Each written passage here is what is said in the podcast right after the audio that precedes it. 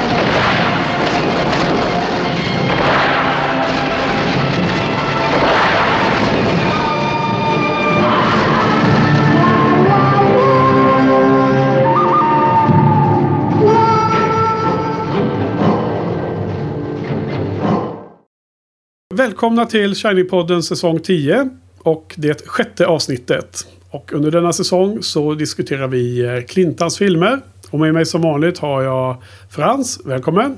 Tack så hjärtligt. Och Joel, välkommen. Hallå, hallå. Hallå. Okej, nu har vi idag den tredje av tre filmer inom western-trion som vi har valt för den här säsongen. Och det är då Dollar-trilogin. Så nu har vi kommit fram till 1966.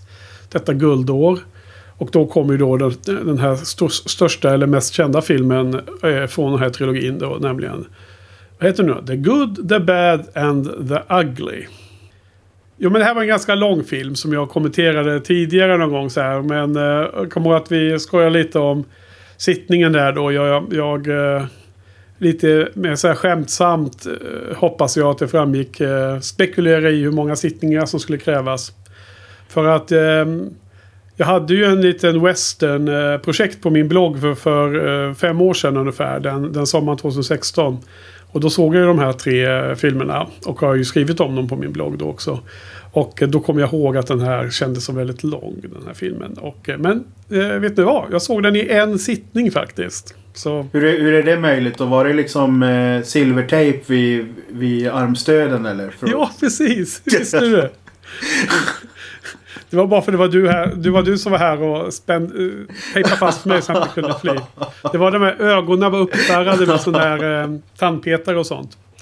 Nej då. Nej men det var... Det blev... Det flöt på bra. Så att det blev liksom naturligt att det var så. Um, men eh, jag, jag vill ju fortfarande eh, kunna hävda att den har liksom intressant nog olika faser om man säger så. Det är säkert något vi kommer till sen i, i filmsnacket också. Men låt oss börja lite med en runda kring bordet. Vad ni tycker om det här då. Så, så rycker vi av plåstret med en gång. Ehm, jag har ju mina misstankar på att ni båda kommer kanske uppskatta den här lite mer än mig. Men det blir jättespännande att höra. För att eh, det är många tankar runt den här filmen. Så ska du börja idag Frans? Vad, det, det här är något av din en favoritfilm hos dig eller? Vad, vad säger du? Ja, det är det väl. Och för för mig så är det en, en film i, i flera lager. Liksom, som, som i de andra filmerna så är det någon slags ramhandling här kring jakten på pengar som till slut rinner ut i sanden. Och här verkligen bokstavligen. Pengarna rinner ju verkligen ut i sanden i slutscenen. Jaha.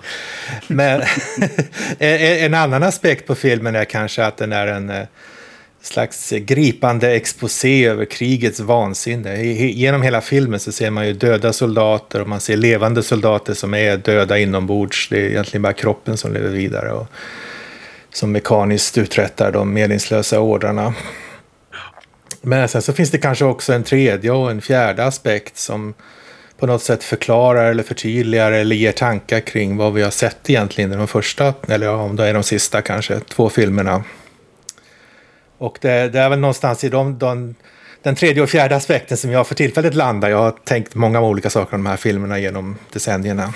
Och, så att för mig är det just nu i alla fall någon slags eh, mästerverk som förstärker de eh, första två filmerna och bildar en programmatisk... De första eh, två i dollartrilogin alltså? Ja, precis. Eller om det, är de sista två kanske.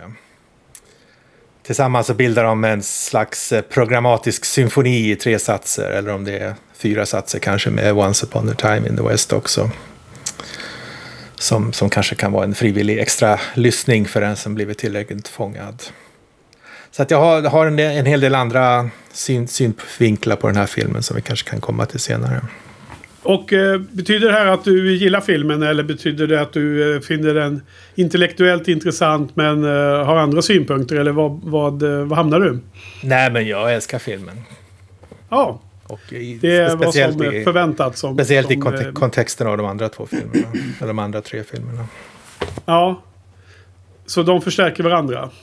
Det låter spännande. Vi, vi lär återkomma till det. Eh, Du då Joel, vad tycker du? Är det här en bra film? Det är en fruktansvärt bra film är det.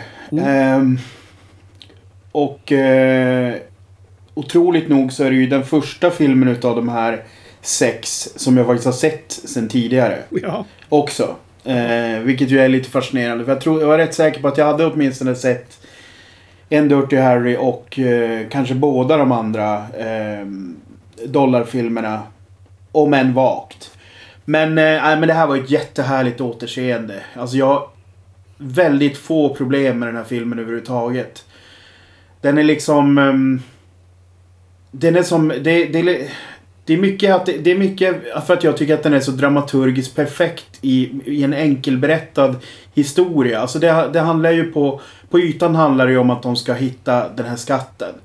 Och där det finns olika delar i det här pusslet där olika personer har olika information. Och jag tycker det är så otroligt välberättat. Även om filmen är lång så är det otroligt enkelt förklarat vem som sitter på vilken information. Och liksom det är inte tillkrånglat för fem öre liksom. Sen, sen att filmen har sin längd och sin utdragenhet i andra delar. Eh, det, det, har, det har ju mer med någon slags estetiskt val att göra. Och jag tycker inte att det är så himla... Eh, jag upplever det inte som, som, som eh, långtråkigt att kolla på någonsin. Eller ja, det finns vissa delar man kan absolut trimma liksom. Skulle Clinton ha fått för sig att göra... Eh, nu, förlåt, inte han som har regisserat ens. Men om, om hade levt och han hade fått för sig att göra en sån här covid, eh, covid cut som vissa håller på med. Du vet, de återser gamla filmer och gör om dem. Jaha, Det, det, det, det fin, finns har- en sån trend. Där, ja, jag har eh, missat den trenden. Ja, Stallone Eh, eh, håller på med en sån på, på Rocky 4 tror jag det är. Okej. Ja. Men eh, så, så hade han säkert gått in och trimmat lite här och där. För det finns lite fett kvar liksom. Men eh, överlag så är ju det här för mig ett jättebra skrivbordsexempel på hur man berättar en jätteenkel historia rakt på sak utan en jävla massa krusiduller och inte göra det onödigt svårt för sig. Och ändå inte heller liksom fördumma tittaren en massa. Jag tycker det är så briljant när vi har fått höra att Bill Carson har ett öga. Och så fort vi ser de här liken i, eller halv, halvdöda människorna i, em, i vagnen. Eh, den här dressinen. Ja. Så, så, så ser vi ju att en, en snubbe har en pratlapp. Och vi fattar ju direkt att det är Bill Carson. Man, det behöver inte bli... Så, alltså man, hade det här gjorts nu, då hade, man, då hade det blivit någon så här övertydlighet i det. Han hade haft en namnlapp man hade zoomat på eller någonting. Du vet, sådana grejer. Här blir det bara i förbifarten liksom. Men blinkar du eller tittar du bort?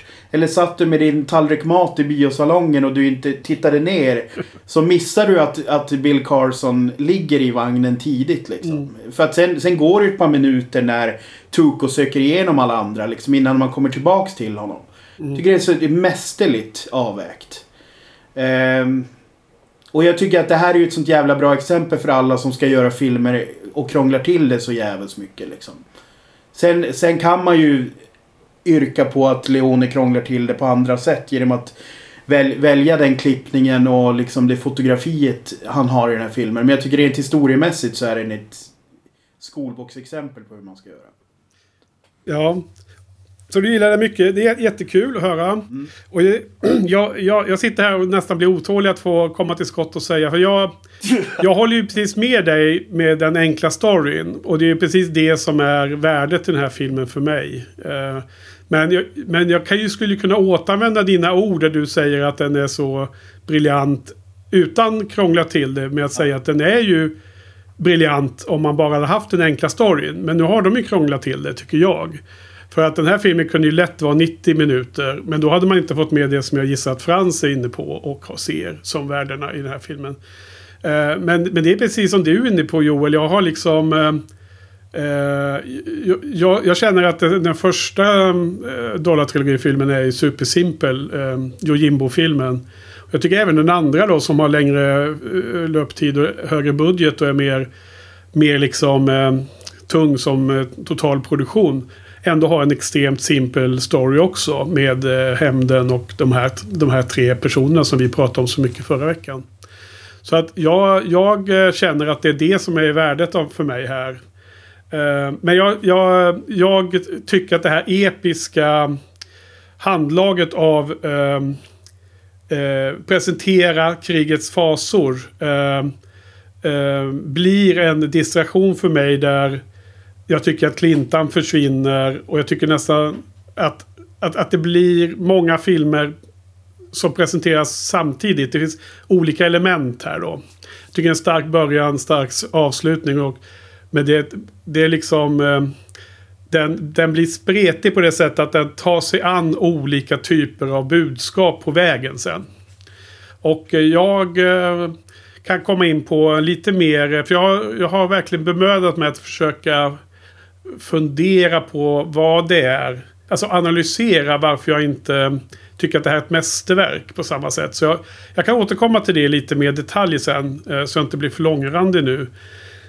Men, men... Eh, eh, I slutändan känner jag att, att eh, jag, jag, jag ser och förstår det ni säger men att det faller inte på plats hos mig på, på samma sätt. Så, så låt mig återkomma eh, till, till eh, själva... Eh, ja. Eh, mer i det- detaljer hur jag tänkt på det här då. då. Ehm, så, så tyvärr, det, det är... ehm, eh, jag är inte lika stor fan av filmen och eh, ur poddens perspektiv så kan man ju tycka att det kan vara bra. För då, har vi, då kommer vi inte sitta och säga precis samma saker hela tiden. Nu tänkte jag inleda lite mer, vi får gå in- gå in lite mer på detaljer och få höra mer. Och då har jag ehm, tänkt här Frans, som jag har förvarnat dig om att eh, det var lite lustigt så här att när jag skrev om den här filmen för fem år sedan Frans. Då var ju du inne och kommenterade på min eh, filmblogg. Som eh, händer ibland och det är alltid lika trevligt. Eh, för då hade jag skrivit om den här filmen. Och eh, då i alla fall så skrev du så här. Då hade jag tänkt att vi skulle återbesöka din kommentar Frans. Och så får du gärna utveckla lite mer. Oj då, att du- skrämmande. Ja, skrämmande. Precis. För att det verkar som att du skrivit det här. Ja, just det. Du har skrivit det här sent om natten. Så att det förklarar din allra sista, herregud. allra sista orden här. Okej, din- ja, det ska bli spännande att höra. Alltså jag har ju, jag tror att jag har skrivit något om att den var lång och allt det där. Så då, då svarar du på det Frans. Den är kanske inte avsedd att ses i ett streck. Hade man inte paus på biograferna på den tiden? Ett glas champagne och lite jordgubbar halvvägs in hade nog gjort susen. Det är ett konstverk. Inte bara, eller kanske ens i första hand, en film. Och som sådant undrar jag om den kanske inte också borde ta hänsyn... Nej. Eh, och, och som sådant undrar jag om man kanske inte också borde ta hänsyn till dess kontext och betydelse för mänskligheten i bedömningen. Men det är sent nu, så jag ska inte bli långrandig. Så att, jättespännande. Och då svarar jag att självklart skulle det, filmen blivit bättre om jag fått champagne och eh, jordgubbar. För det är ju per default alla filmer bättre av. Det är, den skri- är den skriven i juli eller champagne jordgubbar? Det låter som vad Wimbledon pågick när jag skrev den. 11 juni. 11 juni, så du, du har säkert sett någon eh, Wimbledon-reklam där ja. Och den är också skriven utan Å, Ä, Ö. Så man måste eh, tänka lite, lite snabbare än man läser. Just. Men min fråga till dig Frans, som jag gärna vill höra mer om. Det är ju det här eh, uttalandet här om att... Okej, att det är, ett, det är ju ett konstverk. Det var du inne på både på första filmen och andra filmen. Så det är väldigt eh, konsistent här. Men också att det är en bety... Den har en betydelse för mänskligheten. Det, det lockar mig. Okej, jag kan, Kan tänka, tänka detta? mig att jag menar två saker. Dels det som jag redan var inne på, att den här uh, exposén över krigets vansinne och meningslöshet och intighet. Att de, att de uh, härskare, våra härskare och generaler såg den filmen innan de skickade ut pojkarna att slaktas för deras egna, sina egna ambitioner. Så kanske det hade Mm. varit färre krig i världen. Men, men jag tycker också att, att filmen, eller filmerna handlar om mänskligheten på något sätt. Va? Vi har pratat om vad, om Clintan är samma karaktär i de här tre filmerna. Om, du, om ni tillåter att jag, att jag ger min, min syn på det nu då.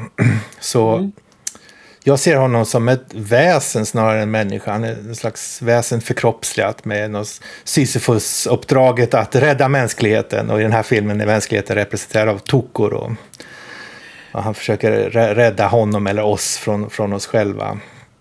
Försöker leda in oss på en väg som, som låter oss överleva. Och den här filmen är någon slags början. Va? Den utspelar sig ju innan de andra två filmerna. De utspelar sig till och med i omvänd ordning. Va? Och här, här får vi då själva inledningen, förklaringen till vad som händer i de andra två färgerna. Vi börjar med en mörk och smärtsam översikt över mänsklighetens tillstånd. Och i de eh, senare filmerna så får vi då en plan, ett tillvägagångssätt. Sättet att, att rädda oss är att vi värnar för de svaga, att visa barmhärtighet, att inte vara girig och att våld och krig och oavsett vilka goda ansatser man har med det. Det bara leder till lidande och elände för alla och status quo för mänskligheten i stort.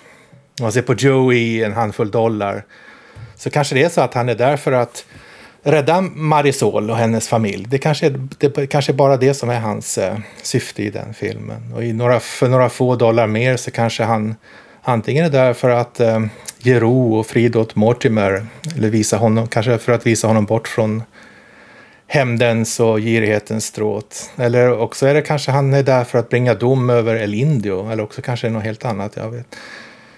Många, många sätt man kan se på det.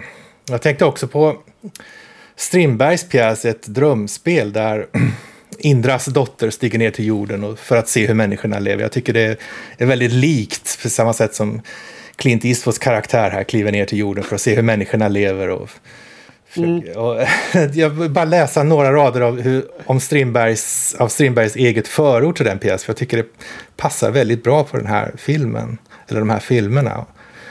Han skriver så här. Tid och rum existerar icke. På en obetydlig verklighetsbakgrund spinner inbildningen ut och väver nya mönster. En blandning av minnen, upplevelser, fria påhitt, orimligheter och improvisationer. Personerna klyvas, fördubblas, dunsta av, förtätas, flytta ut, samlas. Men ett medvetande står över alla. Det är drömmarens. För det finns inga hemligheter, ingen konsekvens, inga skrupler, ingen lag. Så att det, det känns för mig som att alla de här filmerna hänger ihop. Och precis som, som du var inne på att jag hade skrivit där så är det som ett konstverk. Alltid, det är nästan som att filmerna är en symfoni i flera olika satser. Och man, när, man, när man äntligen ser den tredje så säger man aha, det är så, det är så de andra två Ja. filmerna funkar. Och då bara, måste man bara kasta sig på soffan igen och se de andra två ur det, hur det nya perspektivet. Och kanske ett, en gång till och en gång till och en gång till. Och varje gång så ser man nya saker, nya detaljer och man får nya tankar. Så det, det, var, det var mitt tredje perspektiv. Sen har jag ett fjärde perspektiv att komma med kanske lite senare då. Ja, absolut. Då måste vi nog ha en andhämtningspaus här emellan. För att det här måste ju behandlas. Vad, vad spännande. Jätte, jätteintressant. Jag menar det är ju eh, verkligen eh, eh, djuplodande. Går du går ner på, på en riktig analys här. Eh, vad säger du Joel? Eh, impressive. Nej, det var, ja absolut. Det, det här var ju jätteögonöppnande. Det är faktiskt så att jag blir lite tiny sugen på att se om de första två. Eh, men, eh, men jag vet inte fan om jag pallar det riktigt. Men för jag, försökte, jag försökte i huvudet nu bara sätta ihop det. För att för mig blev det ju en otrolig gåshud. När han får tag i ponchosen i den här. Det var ju det som jag förvarnade om i, i förra podden. Där. Att, eh, för då, då, då sa du ju någonting Frans och så, så sa jag så här, ja det är väl ungefär som eh, att han får den i slutet på något sätt liksom. Och så sen, men jag tycker det är så jävla fascinerande om det, för att det känns ju ändå som, utan nu att ha gjort en massa research och kollat, jag menar det kan ju skulle det kunna vara så att alla filmerna är inspelade samtidigt och så släpps de inte nödvändigtvis i den ordningen de är, de är infilmade på. Skulle det kunna vara en sån enkel detalj som gör att det har blivit så här. För att jag blir lite fascinerad för att det finns ju inte så jävla många prequels innan... Eller...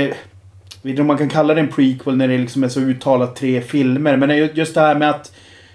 Om man nu går på Ponchon exempelvis, som jag då, som är mitt, mitt, min stora sign att det här är den första filmen. Så är det ändå lite fascinerande att, att ha den, alltså att, att, att, att de släpps i oordning så att säga. Ja, Och, och, ja. och, och en sista grej där, att Frans redde faktiskt ut mitt enda lilla bryderi. För då tänkte jag så här, okej men vart fan... Vart försvinner liksom Clintons pengar då om, om den här utspelar sig innan och han är typ utfattig i de andra... Eller han är liksom inte i ekonomiskt välbestånd eh, i de andra filmerna. Men då är det ju så här att om man nu skulle vara någon slags väsen.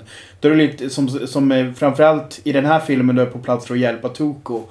Då är, ju- då är hans halva är ju liksom, den är, den är ju skitsamma med. Den kan han ju bara dumpa i något kärr någonstans. För Ja, men så är det väl alltid med symbolik. Och skulle Ja. det vara ett väsen då, då pratar vi om att det här är liksom en eh, film som bygger på symboliken och det, det, den typen av språk och så. Då, då, sådana logiska regler kanske inte riktigt gäller längre. Va? Nej, Eller vad säger du. Frans?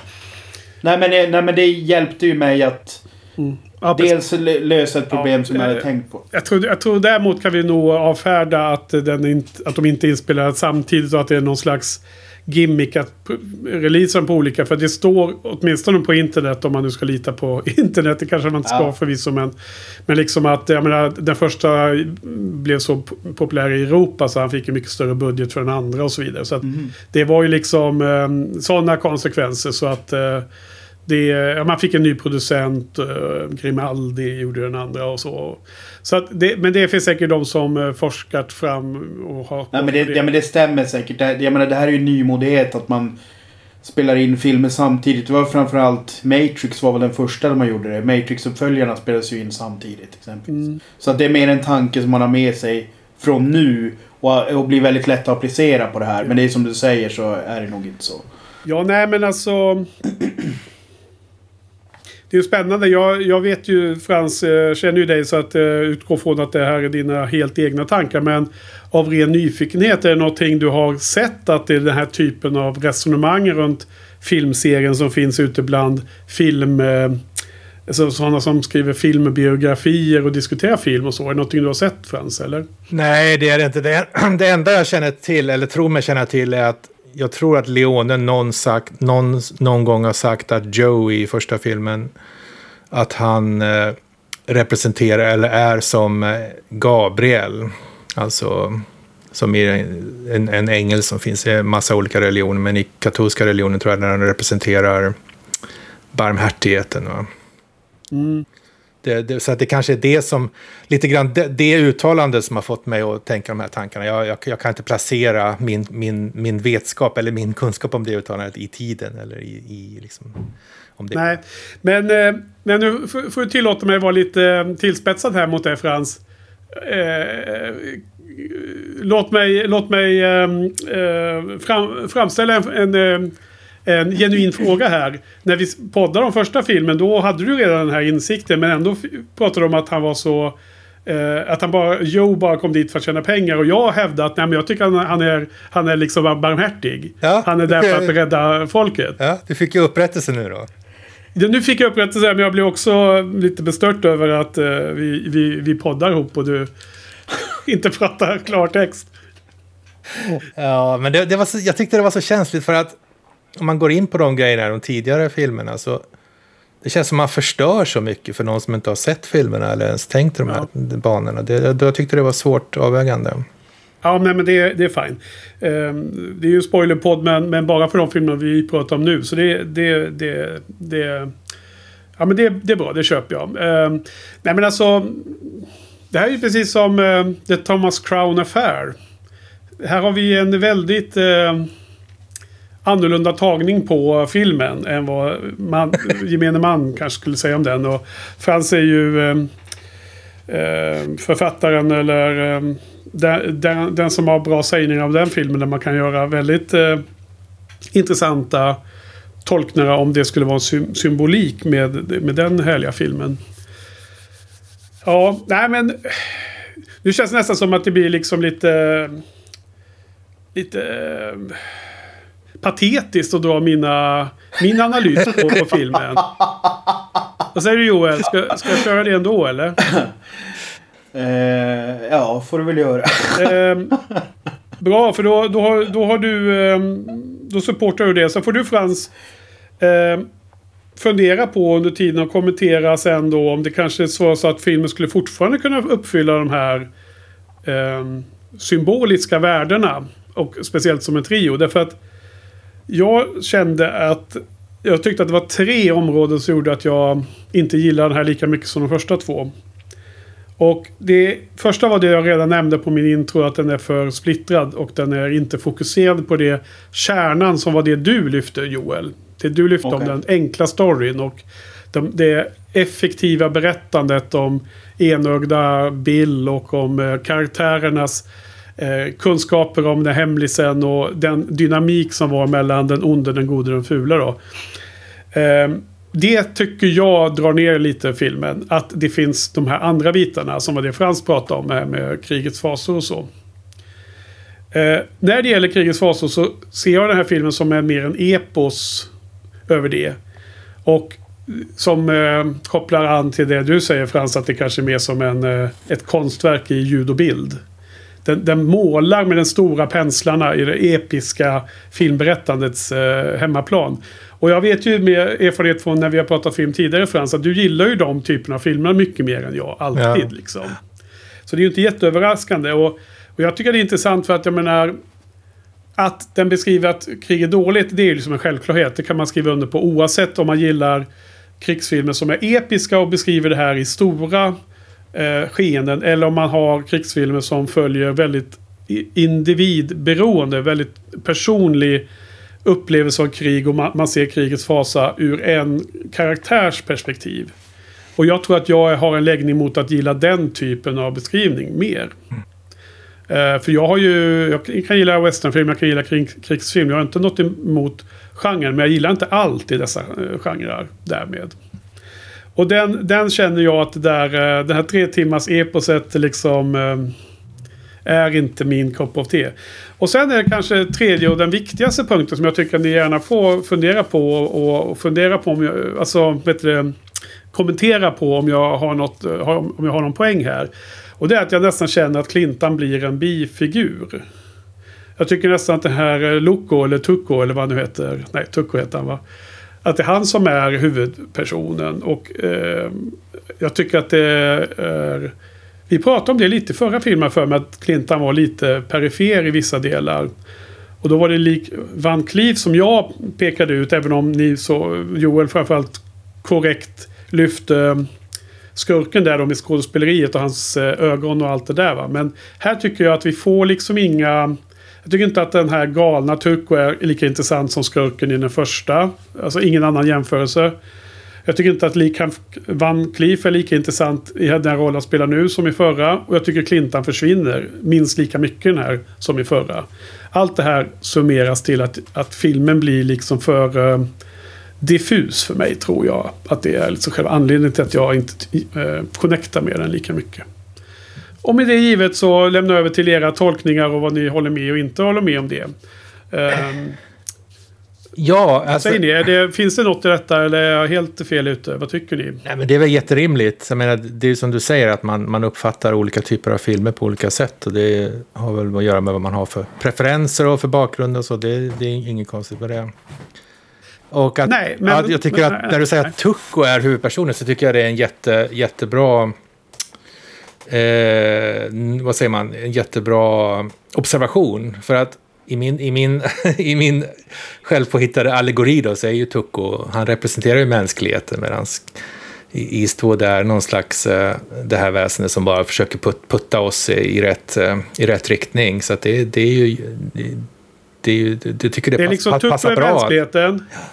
Eh, Clintan, eh, Blondie är då ängeln Gabriel och eh, Lee Van Cleef, vad han nu heter i den här filmen, är djävulen då på något sätt, eller? Ja, precis. Det var, min, det var min sista aspekt. Jag vet inte om jag ska dra det nu eller senare. Jo, men då blir det nu då. Ja, alltså... om, om man ser den här 70 gånger så, så börjar man se att eh, det antyds på ett antal tillfällen att han... Dels att han vet mycket väl vem Blondie är. Att de bara spelar ett spel. Va? De båda vet. Vi vet vem de andra är. Han, han säger liksom små, små, små... Han säger små saker samtidigt som han ler liksom eh, lite ro, Vem är roat. han nu? Menar du Liv van Cleef eller? Ja, förlåt. Äh, Angel Eyes, ja. Angel Eyes, inte Tuco. Angel Eyes vet vem Blondie är. Ja, precis. Det- De, de spelar det här spelet, va? båda vet vem den andra är.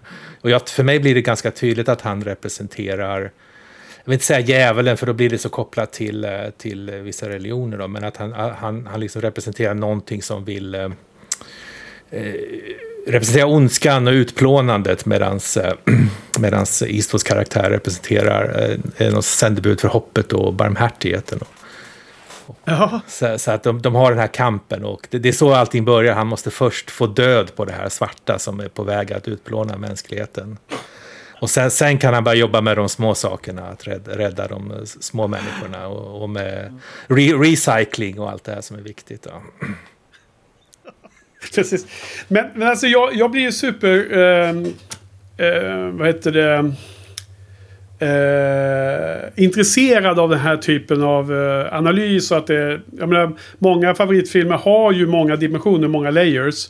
Och därför blir jag ju extra nyfiken på att, att se de här grejerna i detta. Men, men eh, jag har inte sett filmen 71 gånger. Eh, och jag har inte heller... Eh, blivit indragen i filmen som gjort att jag har blivit... Att jag själv har sökt efter de här sakerna. Vilket då är en fail av filmen i sig. Men nu har ju du funnit det, så nu, nu har vi det på, på bordet. Så det är fine. Eh, vad, jag, vad jag tycker det är fortfarande väldigt lustigt att man kan samtidigt ha den här hög-level eh, symboliken som du nu beskriver Frans. Som jag, jag tycker bara stämmer in varje, varje sak du, du säger. Och samtidigt så ser man ju i filmen att den här eh, räddaren av mänskligheten hela jävla tiden ska hänga mänskligheten liksom i en snara. Han är, han, det är liksom- någon, väldigt- eh, han är inte någon sagoaktig god Nej, god alltså jag... jag alltså, Nej. en min, en, alltså nu blir det så här, må, många av mina idéer ställs ju... Så här, jag, jag scrappar ju dem direkt nästan bara för, för när Frans lägger, lägger fram det så väl. Men en av mina invändningar var ju mot den här klassificeringen utav karaktärerna.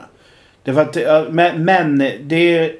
Å andra sidan skulle ju stärka din teori där. Därför att det är som att... Vem Om man nu bara... Nej men Frans. Ja. I och med att de kategoriseras som den fule, den gode, den onde. Alltså de tre.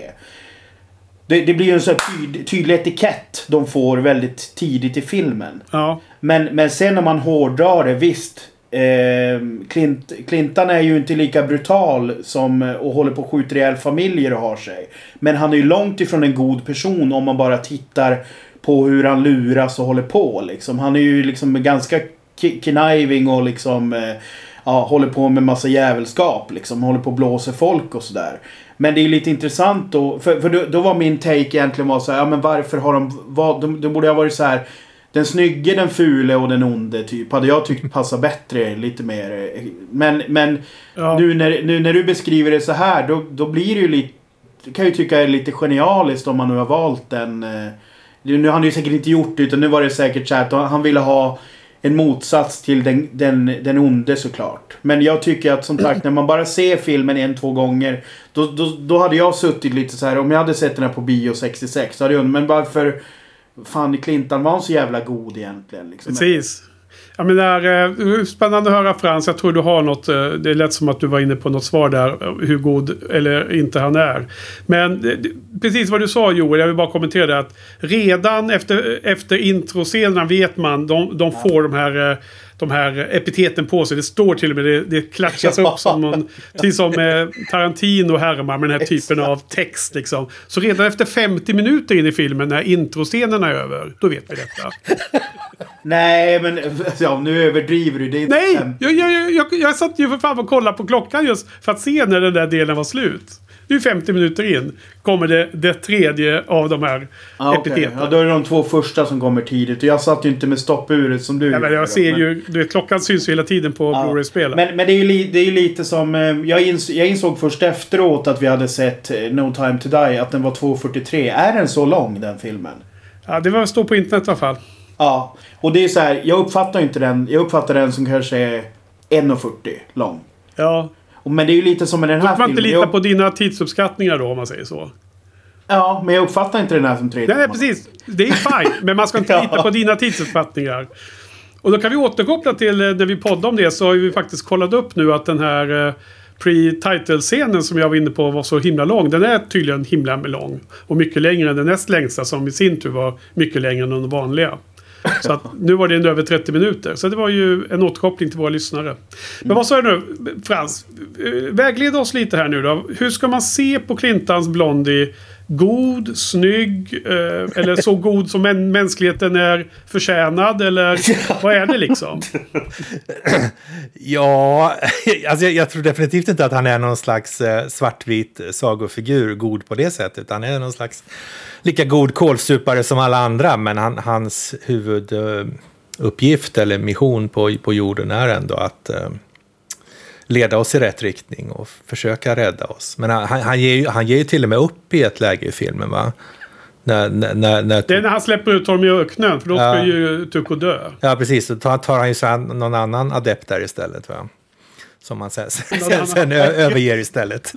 Som han, Stackars, stackars Shorty. Så man, man, man får aldrig se... Man ser bara honom på avstånd. ja, och Clinton är bara lite som att sorry Shorty, det, det får inte den här gången. Så att nu fick du sitta och dingla där tills han dog. Vilket var... Fan, där har vi den ultimata spin-offen. Det är liksom Shorty fram till att han träffade Clinton. Liksom. Ja men det är ju som taget för eh, bröderna Coen. De gjorde ju den där western eh, med kortfilmer. Vad nu heter. The Ballad of... Eh, vad det hette. Det skulle kunna vara en liten kortfilm om han Shorty. För han, hade, han var inte långlivad i filmvärlden. Ja, man kan ju också Ja. fundera på vad han, vad han själv tycker om sitt uppdrag. Jag menar, det, var, det känns inte som att han alltid är så superentusiastisk. Nej. Exemplifiera. Nej, men i just de scenerna vi har pratat om nu med, med Shorty och det känns som att han liksom tar det, han vet att det är det här han måste göra men fan. Det är bara, all, all, alla är, hela mänskligheten är ju bara den, den fule då så att. Det känns som att han är på Ja, väg, alltså väg det- att ge upp hela tiden. Ja.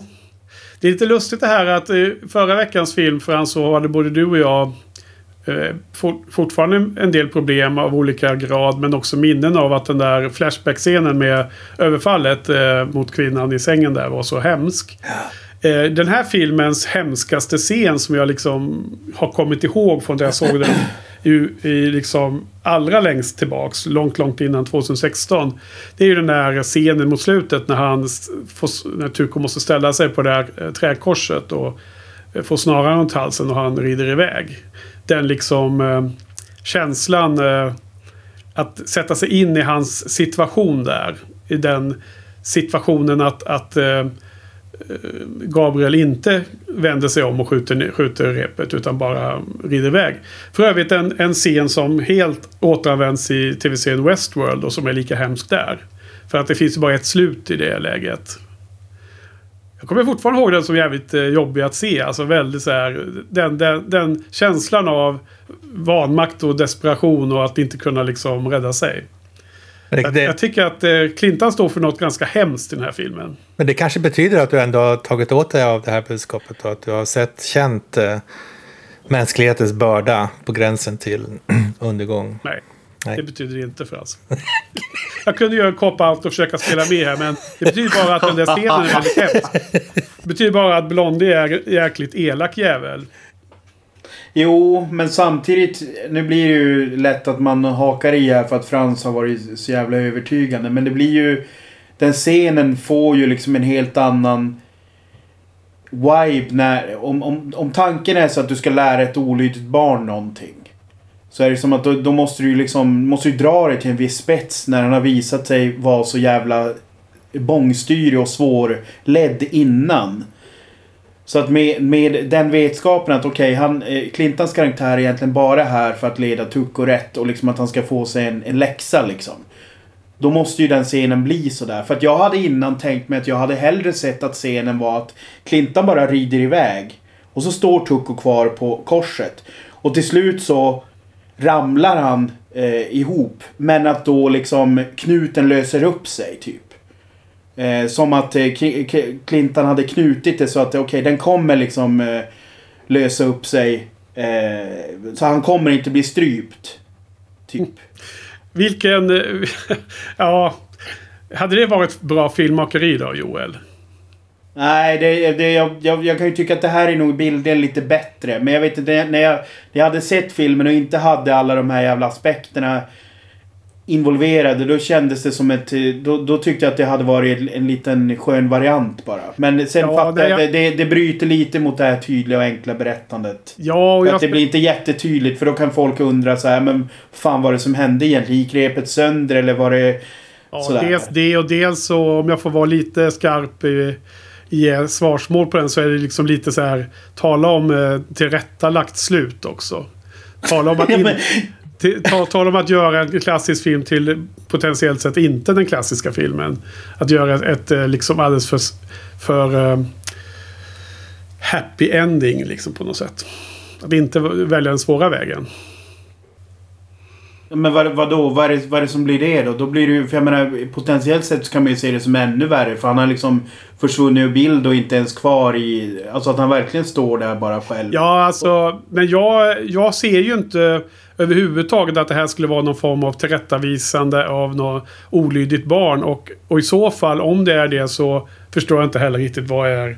Vad är, eh, vad är eh, den eh, vuxna karaktärens budskap? Vad är det som han gjorde som var fel?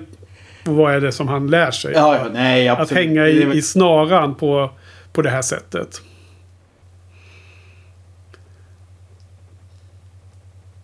Nej, det, det går inte att gå in i den detaljnivån såklart. Men jag, jag tycker att slutet blir ändå för mig mer... För det, det enda jag minns från min förra tittning var att jag tyckte att det var någonting med slutet som skavde. Eh, och då, då hade jag för mig att... Jag hade, jag hade för mig att de inte fick några pengar överhuvudtaget här för mig. Att det var en bluff på något sätt. Men det mindes jag ju helt fel såklart. Och då vet jag att det var någonting med slutet som skavde. I alla fall nu så kände jag lite att ja men eh, så, så som... ehm,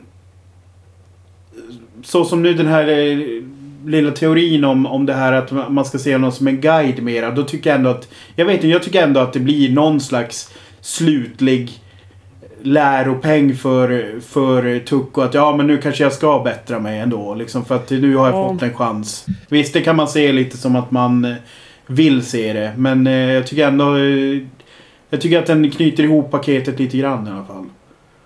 Man kanske också skulle Alltså, kunna det- se det, det- som... Ah, förlåt, ja. Henke, förlåt. Nej, ja... Eh, om du inte tappar din tanke där då Frans. Så får du hoppa in med den alldeles strax. Ja, men alltså jag, jag blir ju eh, intellektuellt eh, exalterad över den här typen av teorier eller tänk, uttänk eller liksom tolkningar. Kalla det vad man vill. Jag tycker själv att eh, man har suttit och försökt tolka David Lynchs film Mulholland Drive eller Lost Highway och de filmerna. Och liksom att tankeverksamheten, att försöka förstå meningar som är väldigt svårgreppade är väldigt spännande.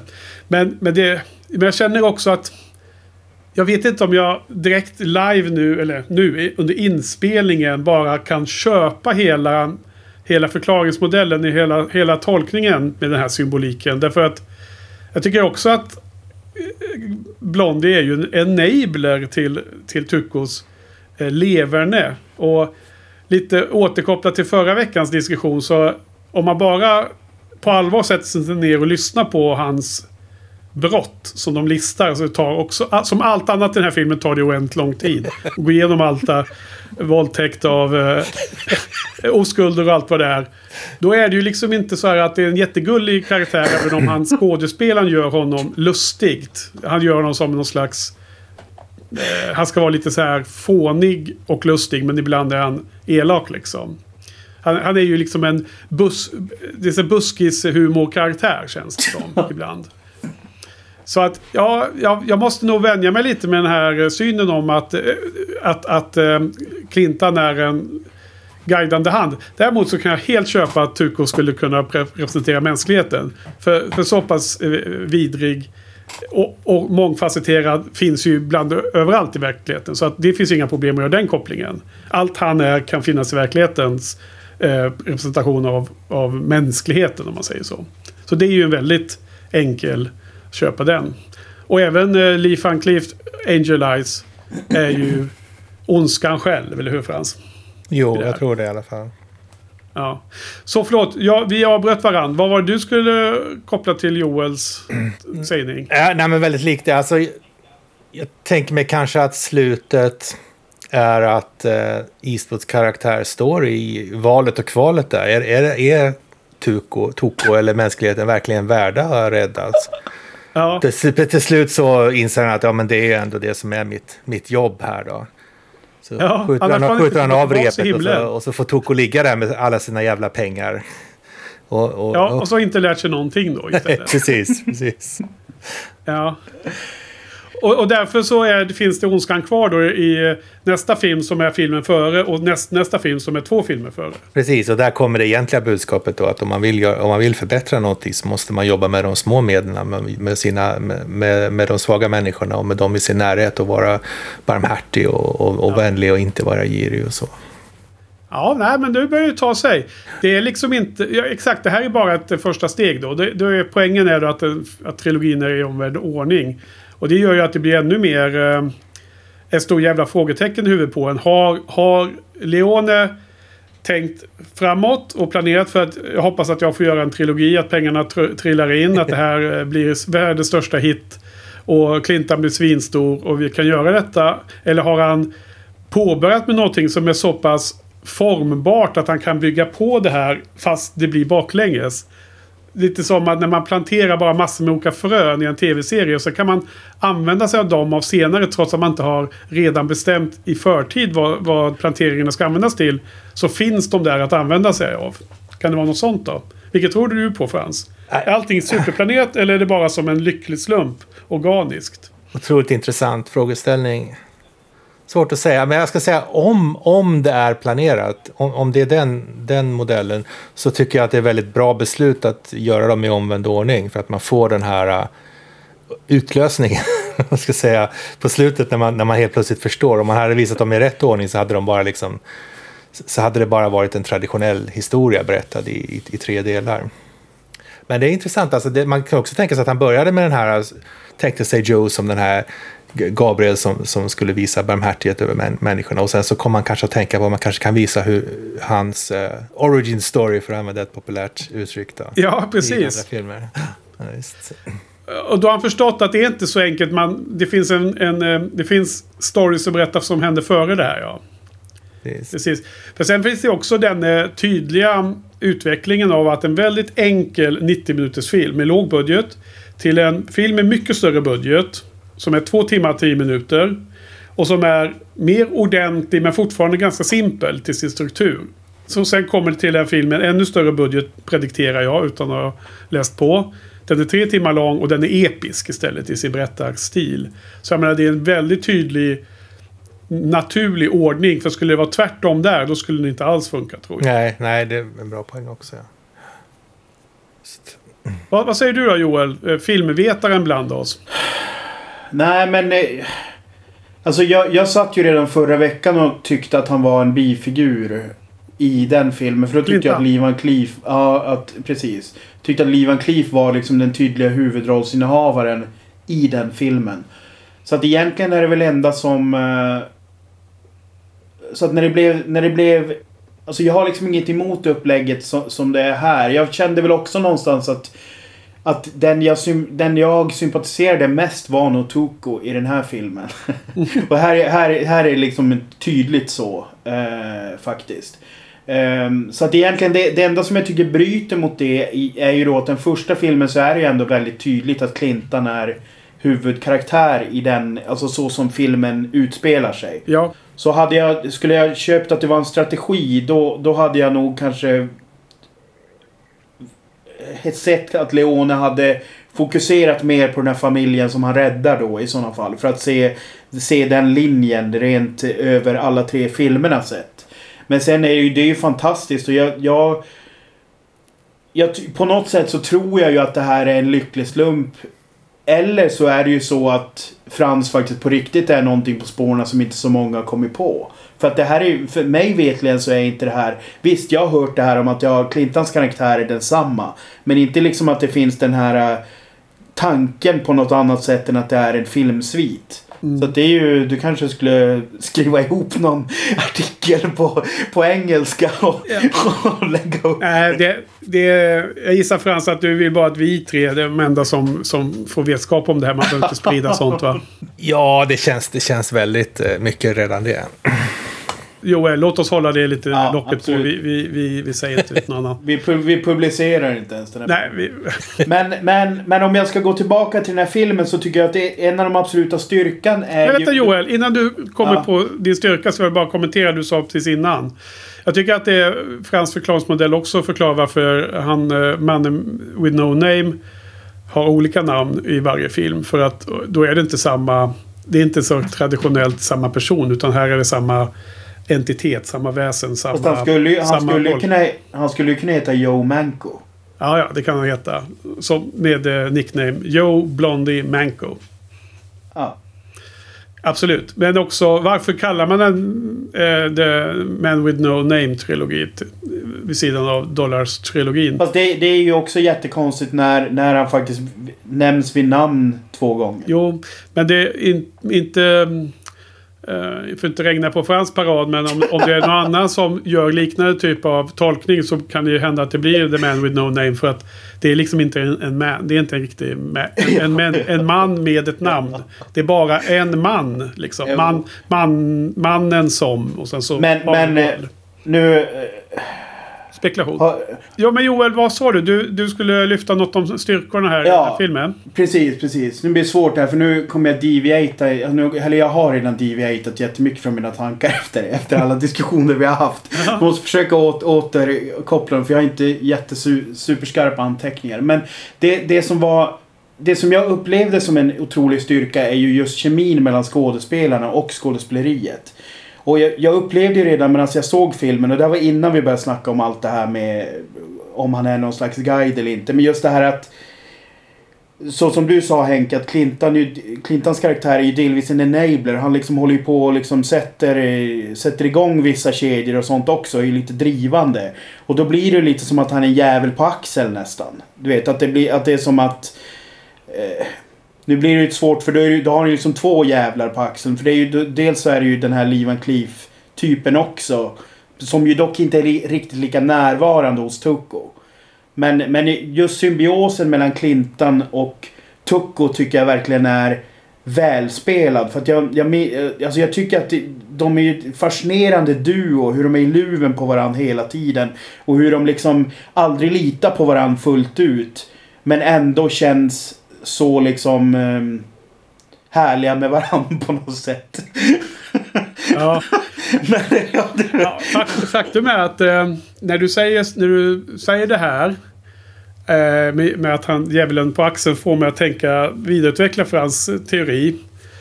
Om jag, om jag får Frans. Eller om du, har du redan fått, fått in en copyright på din teori? Vet ej. Ja, nej, jag har ensamrätt på det, tyvärr.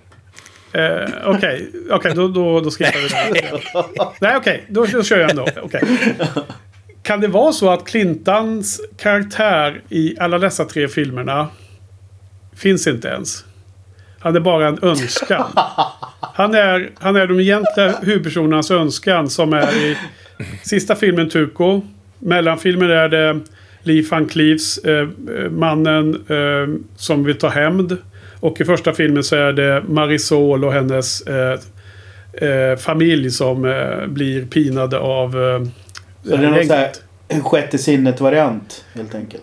Inte, inte, inte så påtagligt utan det är en slags längtan, önskan att bli fri från det onda. Från att, att få, få sin... Eh, få eh, release eller få frigörelse. Och här har då Leone valt att, att symbolisera, materialisera den längtan med en eh, White Knight. eh, Fast den kommer i western-variant.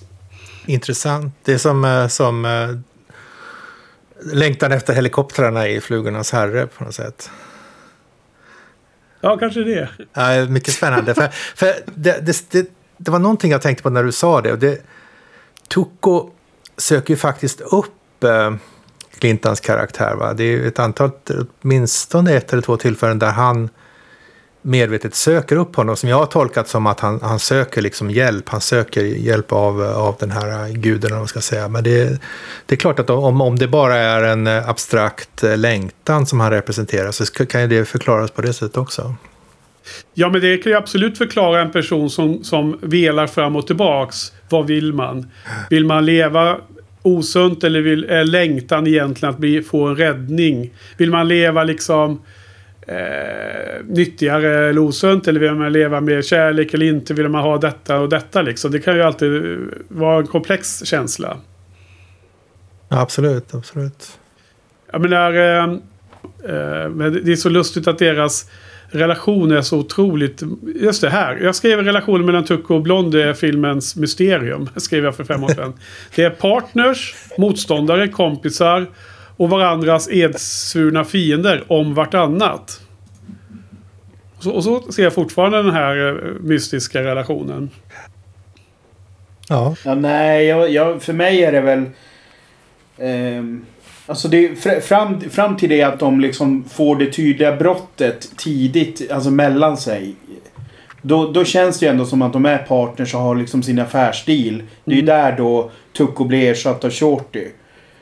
Men då blir det ju också ett, ett aktivt val för um, Tucko att, uh, att, att gå efter honom för någon slags hem där. Men sen så blir, sen blir ju hela i och med att de då sen sitter på olika delar av informationen så blir det ju ett nödvändigt, alltså ja, det här pusslandet. Ja. Så att eh, Frans teori där, om vi döper den till det, är ju... Eh, överlever ju inte att nitpicka liksom vad som händer på bildrutorna. Det är ju inte den bokstavliga tolkningen av filmen nej, nej, som är presenterad. Det är ju bara symbolik som är på en väldigt annan nivå.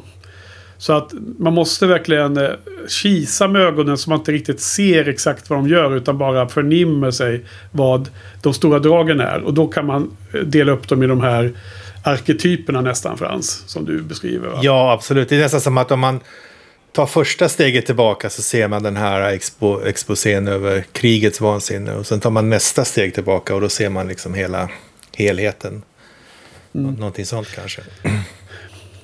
Ja, jag, jag satt och funderade på Uh, när du nämnde Joel för en liten stund sedan att du nästan höll mest på Turko sa du va? Att det var som din favorit i den här filmen. Så satt jag och tänkte.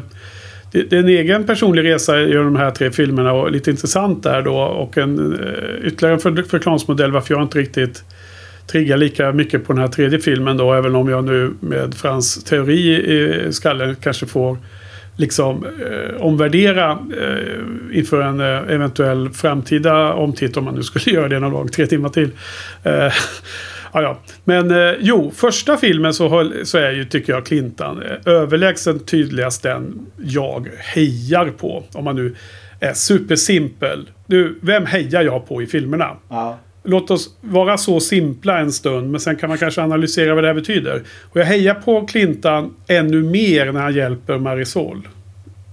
Det, det är då jag hejar på honom på riktigt. I början hejar man bara på honom för att han är den som driver allting och han är eh, duktig och coolare. Ja, det är Clintan liksom. Fast, fast, fast har inte det framförallt att göra med att själva händelsen när han skickar iväg henne och så säger han det här att ja, jag kände en, en kvinna ja, som inte fick exakt hjälp. Det handlar om. Så att he, hela, hela det hänger ju egentligen på den scenen. Ja, det, jo men så är det ju. Mm. Filmen är ju dess scener liksom. Så, så är det. Absolut. Det är först då jag verkligen känner att det här var en mm. favorit. Andra filmen så hejar jag inte på Clintan riktigt. Som jag sa förra veckan så hejar jag på Liv, Van Cleefs karaktär. Och där hejar jag på honom verkligen i den scenen när, man, när det uppdagas att han är bror till den eh, kvinnan. Det är den scenen då, Joel, motsvarande den när han släpper Marisol och hennes familj liksom, eh, mm. att kunna fly undan. Så att det finns en analogi där menar jag. Liksom, det finns en man liksom instinktivt hejar på under filmen. Lite som Frans skulle gillat mer. Att vem är det som man bara känner i poren att man gillar. Och sen så finns det liksom i slutet kommer det en förklaring också varför jag gillade honom så mycket. Känns det som att Leone har gjort ordning för mig här nu då. Sen kommer man till den här problematiska filmen. För att då har jag ingen som jag hejar på. Eh, jag är absolut inte på Liv van Cleefs karaktär om man säger. Om det är samma skådis, men det var som vi redde ut redan förra gången. Det här är en kombo av skådespelarens in, insats med väldigt mycket med blandning med karaktärer. karaktären. Det går inte att separera dem. Och han är ju ett stort jävla eh, ondska, bara stort mörker i den här filmen. Så det hör jag inte på. Och jag är inte speciellt svag för Tuko heller. Eh, kan vara att jag inte är så förtjust i sån här... Eh, eh, vad heter det? eh, den typen av festlig figur som han representerar också. I, i hela maneret hur han spelar sig lite mer så här. Fast jag, jag, jag håller inte med där riktigt. Jag tycker inte att han framställs på det sättet riktigt. Jag, jag tycker att det finns saker i hans... Eh, ska vi exemplifiera? Jag menar, eh, de gör ju ett sånt lite lustig lur mot eh, tittarna. Nämligen att första gången som han tar sig in och ska hängas och Clintan ska skjuta eh, repet då innan han, han avrättas. Så spelar han ju så arg på Clintan att han är förrådd och allt det. Ja. Han spelar som en charad för, Ja. för sheriffen och folket i staden. Och det, den scenen kan man ju välja att filma på olika sätt. Man kan ju få fram exakt samma handling. Men här görs det ju på ett väldigt så här... Eh, eh, om jag ska vara elak liksom. Eh, Stefan och Krister nivå nästan liksom. Så, han är så överdriven over the top där på... Liksom, han spelar ut den ilskan. Och jag, jag tycker att det finns ganska mycket i hans eh, generella skådespeleri. ehm, som inte jag eh, triggar bra på. Jag, jag, som inte är en, liksom en bra... En bra... Ehm, som inte... Eh, vad, vad uttrycker man det? Som inte jag reagerar väl på. Och sen har vi ju Clintan och det är väl den man typ hejar på. Men jag tycker han försvinner så mycket från, från mig i den här filmen. Så jag kan liksom inte riktigt relatera till honom. Och sen gör han då en av de här vidriga eh, övningarna i slutet och ställer Turko på, på korset och så. Och fine, han vänder sig om där. Och skjuter, skjuter ner honom, eh, repet. Men han, eh, han gör något väldigt hemskt det sista han gör innan han lämnar mig. Så att jag känner att det finns ingen i den här filmen. Och lika med problem. Nej, den är ju väldigt mörk. Det är... Ja. Alltså, alltså jag känner ju igen den, den här beskrivningen av Tucko som, som du kör här nu. Den är ju lite den generella beskrivningen. Om du skulle stoppa folk på stan och fråga om den här filmen. Så är det ju lite så han uppfattas. Eh, tycker jag. Alltså när, när man liksom bara hör folk som snabbt ger en syn på filmen. Men jag, det jag tycker är fascinerande är ju, och det har jag alltid tyckt med honom, det är att han är ju minst lika bra skytt som de andra två. Mm. Och han är ju... Han är ju väldigt så här... Eh, aggressiv och gatsmart. Alltså han, han känns ju... Alltså han är ju inte en sån som... Han, han är inte en sån som man skulle liksom känna så här om jag själv var i västern och var liksom en gunslinger. Han är ju inte en sån som jag skulle ta lätt för om man, om man hade sett den här filmen. För att han är ju farlig liksom. Han uppvisar ju ändå liksom att han eh, kan skjuta och han, han är tillräckligt gatsmart och sådär. Så att jag tycker nog ändå att han har en, en nyans till det som ofta glöms bort. Där, där det väldigt lätt blir att han liksom är den lustiga utav de här tre. Vilket jag tycker är lite oförtjänt. Eh, ja, nej men det, är- det är bra att du lyfter det. Och, och jag bara undrar lite fromt här om han är... Hur realistisk man egentligen kan tycka att han är. Då. Just på grund av det du sa just nu. Vadå för att han är kort? Och lite så här. äh, Nej men alltså. Nej, men ja, jag- men om man tänker han, han är ju de andras motsats. Han är ju liten. Liksom. äh, Han kallas den fule och det är också en grej jag tycker är konstigt. Han är ju inte speciellt ful egentligen. Jag menar visst i jämförelse med de två så kanske han är mindre attraktiv. Men det är ju fortfarande inte en ful människa. Alltså jag, jag tolkar den fule i titeln som att han är ful i sitt beteende. Ja okej att han är... okej. Inte utseendemässigt. Det är lustigt att säga att han är kort för det, det tänkte jag inte ens på. Men då, då slår det mig att när jag letar efter posters här för eh, att lägga i, i bilderna, du vet podden. Ja. Ehm, då såg jag en sån där fan-made art. Poster art som gjorts av fans. Där det finns två, tre stycken så här, deras hattar, deras, deras eh, unika hattar. Där två är ju som högt upp på posten, så det är Ja. en som är mycket lägre. Så han var alltså kortare än de andra två, stämmer det eller? Ja, alltså det tycker jag syns ganska. Ja, det är Eller säkert. Jag har bara missat det. Därför att på- det sättet så är det ju så här att han är ju, liksom, det är ju ändå någon slags, i, i, de, i de här världarna så är det ju lite så här att är du lång så är du respektingivande. Eh, och liksom han är tydligt kortare. Jag skulle tippa att han är en skalle minst kortare än Clintan. Mm. Eh, och han framställs ju... Jag, ty jag tycker att det filmas ganska tydligt. Så att jag, jag kan ändå känna att när jag ser filmen så blir jag så här att jag, jag känner bara, ja men vad fan, han är ju... Han är liksom inte en karikatyr. Jag tycker han är en riktig människa för att han, han uppvisar liksom... Och den här gången, jag har inte tänkt på den scenen tidigare, men jag tycker den här scenen när han inser att han har missat eh, sina föräldrars död är liksom en jättestark scen. I, eh, i, när han träffar sin brorsa där. På Just. nunneklostret. Just det. Och också den scenen som är efter när han säger till Clinton att ja, min bror var så glad att se mig. Och det, vara att det är också en eh, ganska tragisk scen. Mm. Ja, nej, eh, jag, jag, jag tolkar honom lite som en karikatyr faktiskt. Eh, det, det, du, du nämnde det bra beskrivande ordet att han inte riktigt känns superrealistisk för mig. Eh, sen, sen gjorde ju eh, Le- Leone den här Once Upon a Time in the West två år senare. Och ytterligare tre år senare gjorde han ju den här den här lite minst kända av hans filmer då. Från den här, eh, den näst sista. Den heter Duck You Sucker. Och den har jag faktiskt sett för att jag var lite sugen på att se alla Leones sådana här westerns. Och det är ju då James Coburn bland annat som spelar en huvudroll där. Har ni sett den rackaren, ni två? Det är inte någon av de här med Terence Hill och Bud Spencer eller? Nej, nej, det Nej. har en liknande titel. Nej. Eh, jag men, tror inte jag men det här är Leone, det är inte Terence Hill och dem. Men, det, men den är väldigt eh, svajig i tonalitet. Ehm, klart intressant film och nästan mer, eh, i mina ögon mer Nästan mer sevärd än den vi pratar om idag. Även om jag nu som sagt då får ha liksom brasklapp nog att nu har du introducerat en tanke, ett frö här Frans. Okej, jag men köpt det, den här det här filmen. måste jag skriva upp. Duck You Sucker heter den, du? Ja. Okej, men vad har den med Eli Wallace att göra? Eh, det har att göra med att det är också den här tonaliteten. Det som svänger hejvilt mellan buskishumor och väldigt allvarliga ting. Och det, är- det liksom utspelar sig där. Det är liksom eh, lite senare, typ början 1900-tal. Men det är liksom western slash lite efter western. Det är den eran där det är liksom lite blandat där. Och det är också så här krig och de, det är hemskt och sådär. Det skulle vara intressant att höra vad du säger om den Frans. Ehm, I så fall. Om Ja. du kan ytterligare involvera den här i, eh, i den stora teorin. Kan du göra en, en generell teori för alla Leones. Det är så svårt att... Ja, vi får se. Jag ska se den som en ex, Ja, extra min- bonusfilm.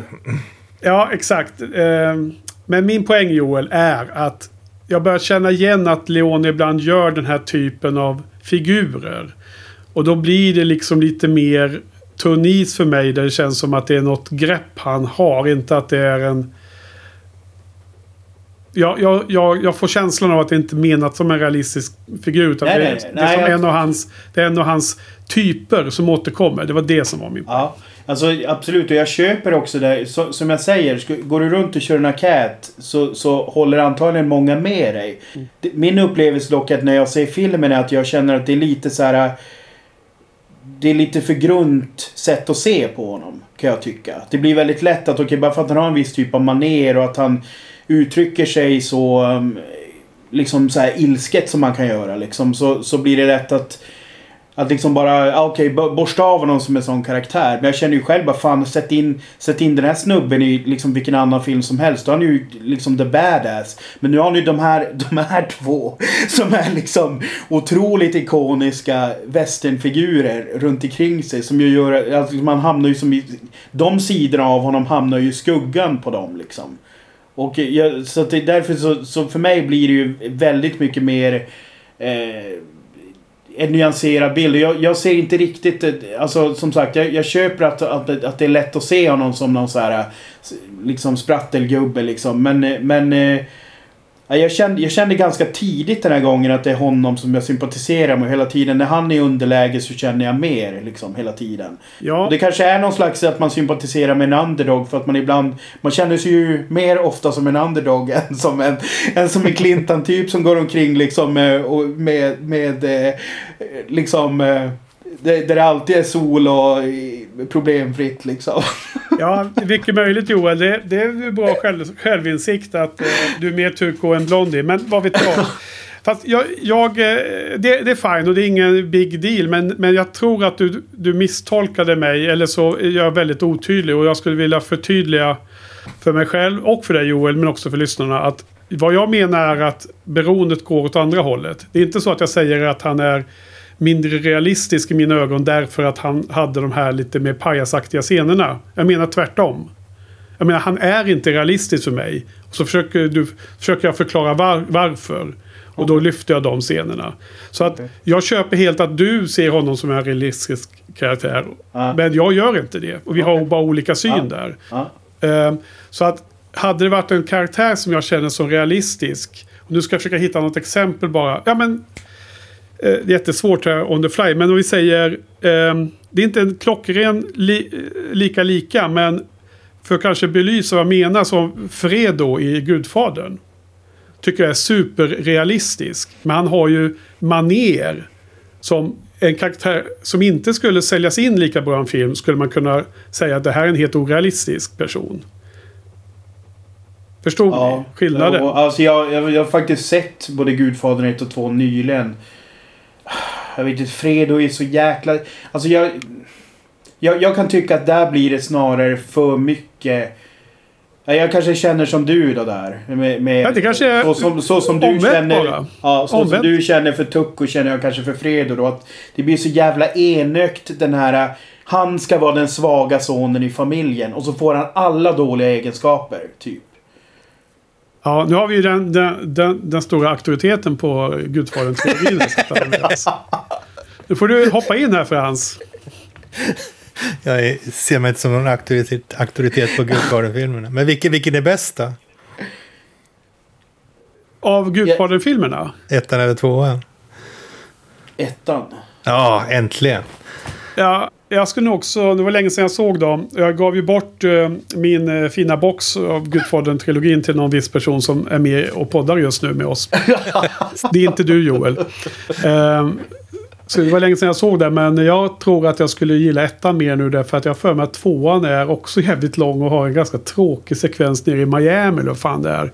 Så, med någon eh, Ja. pajsare där som de ska hålla på och göra någon, någon smart deal med. Alltså grejen är att det, det, det är väl så här lite att den sker ju precis innan Castro tar över eller något sånt där. Så det är ju någon sån där grej som de säkert tycker är cool. Det är ju så många olika uh, bi-stories. här. Ja, men Bara att de hoppar i tiden tillbaks till när, när pappan var ung och spelade som De Niro är ju liksom eh, ett sätt att dra en ur.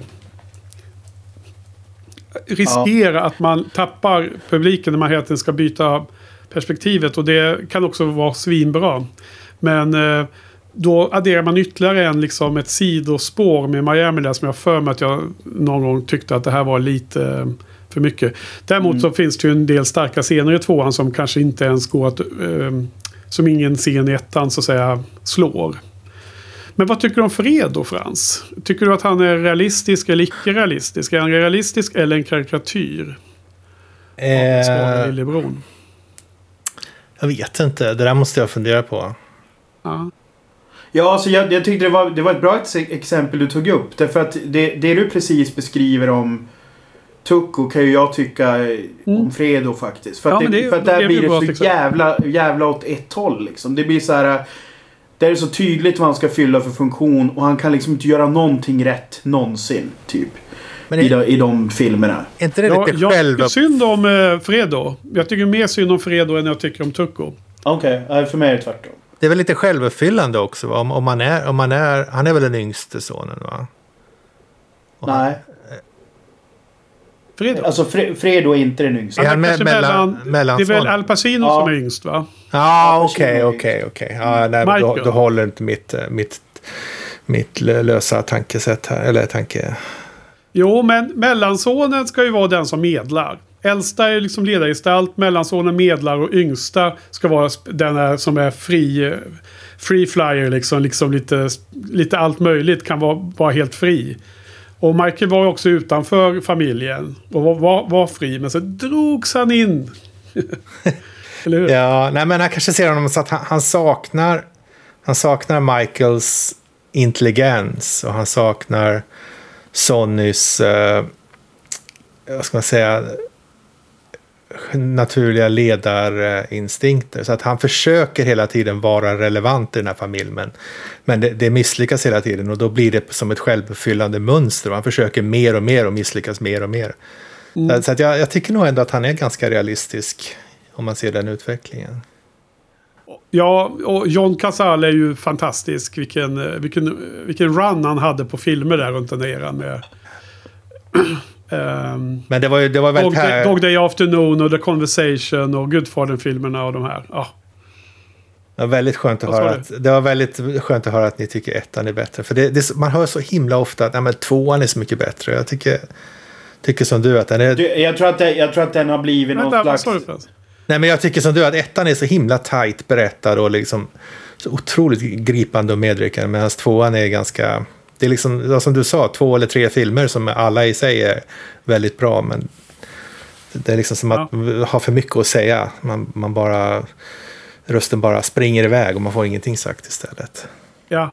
Och, och vad sa du Joel om... Ja, men alltså, alltså fra, fram till den så var det ju väldigt sällan uppföljare överhuvudtaget var någonting att ha. Om man nu bortser från liksom så här helan och halvan filmer liksom. Där kanske någon senare var bättre eller någon Chaplin-rulle. Men så att den lever ju mycket på att liksom den är den första där, där liksom en eh, uppföljare liksom är relativt bra. Precis. Men jag tycker att den är ju väldigt överskattad i jämförelse med ettan. Det tycker jag.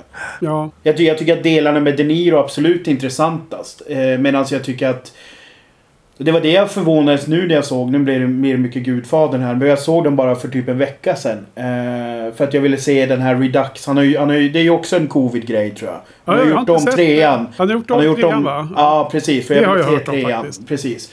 Och um, då reagerade jag på att... Alltså typ...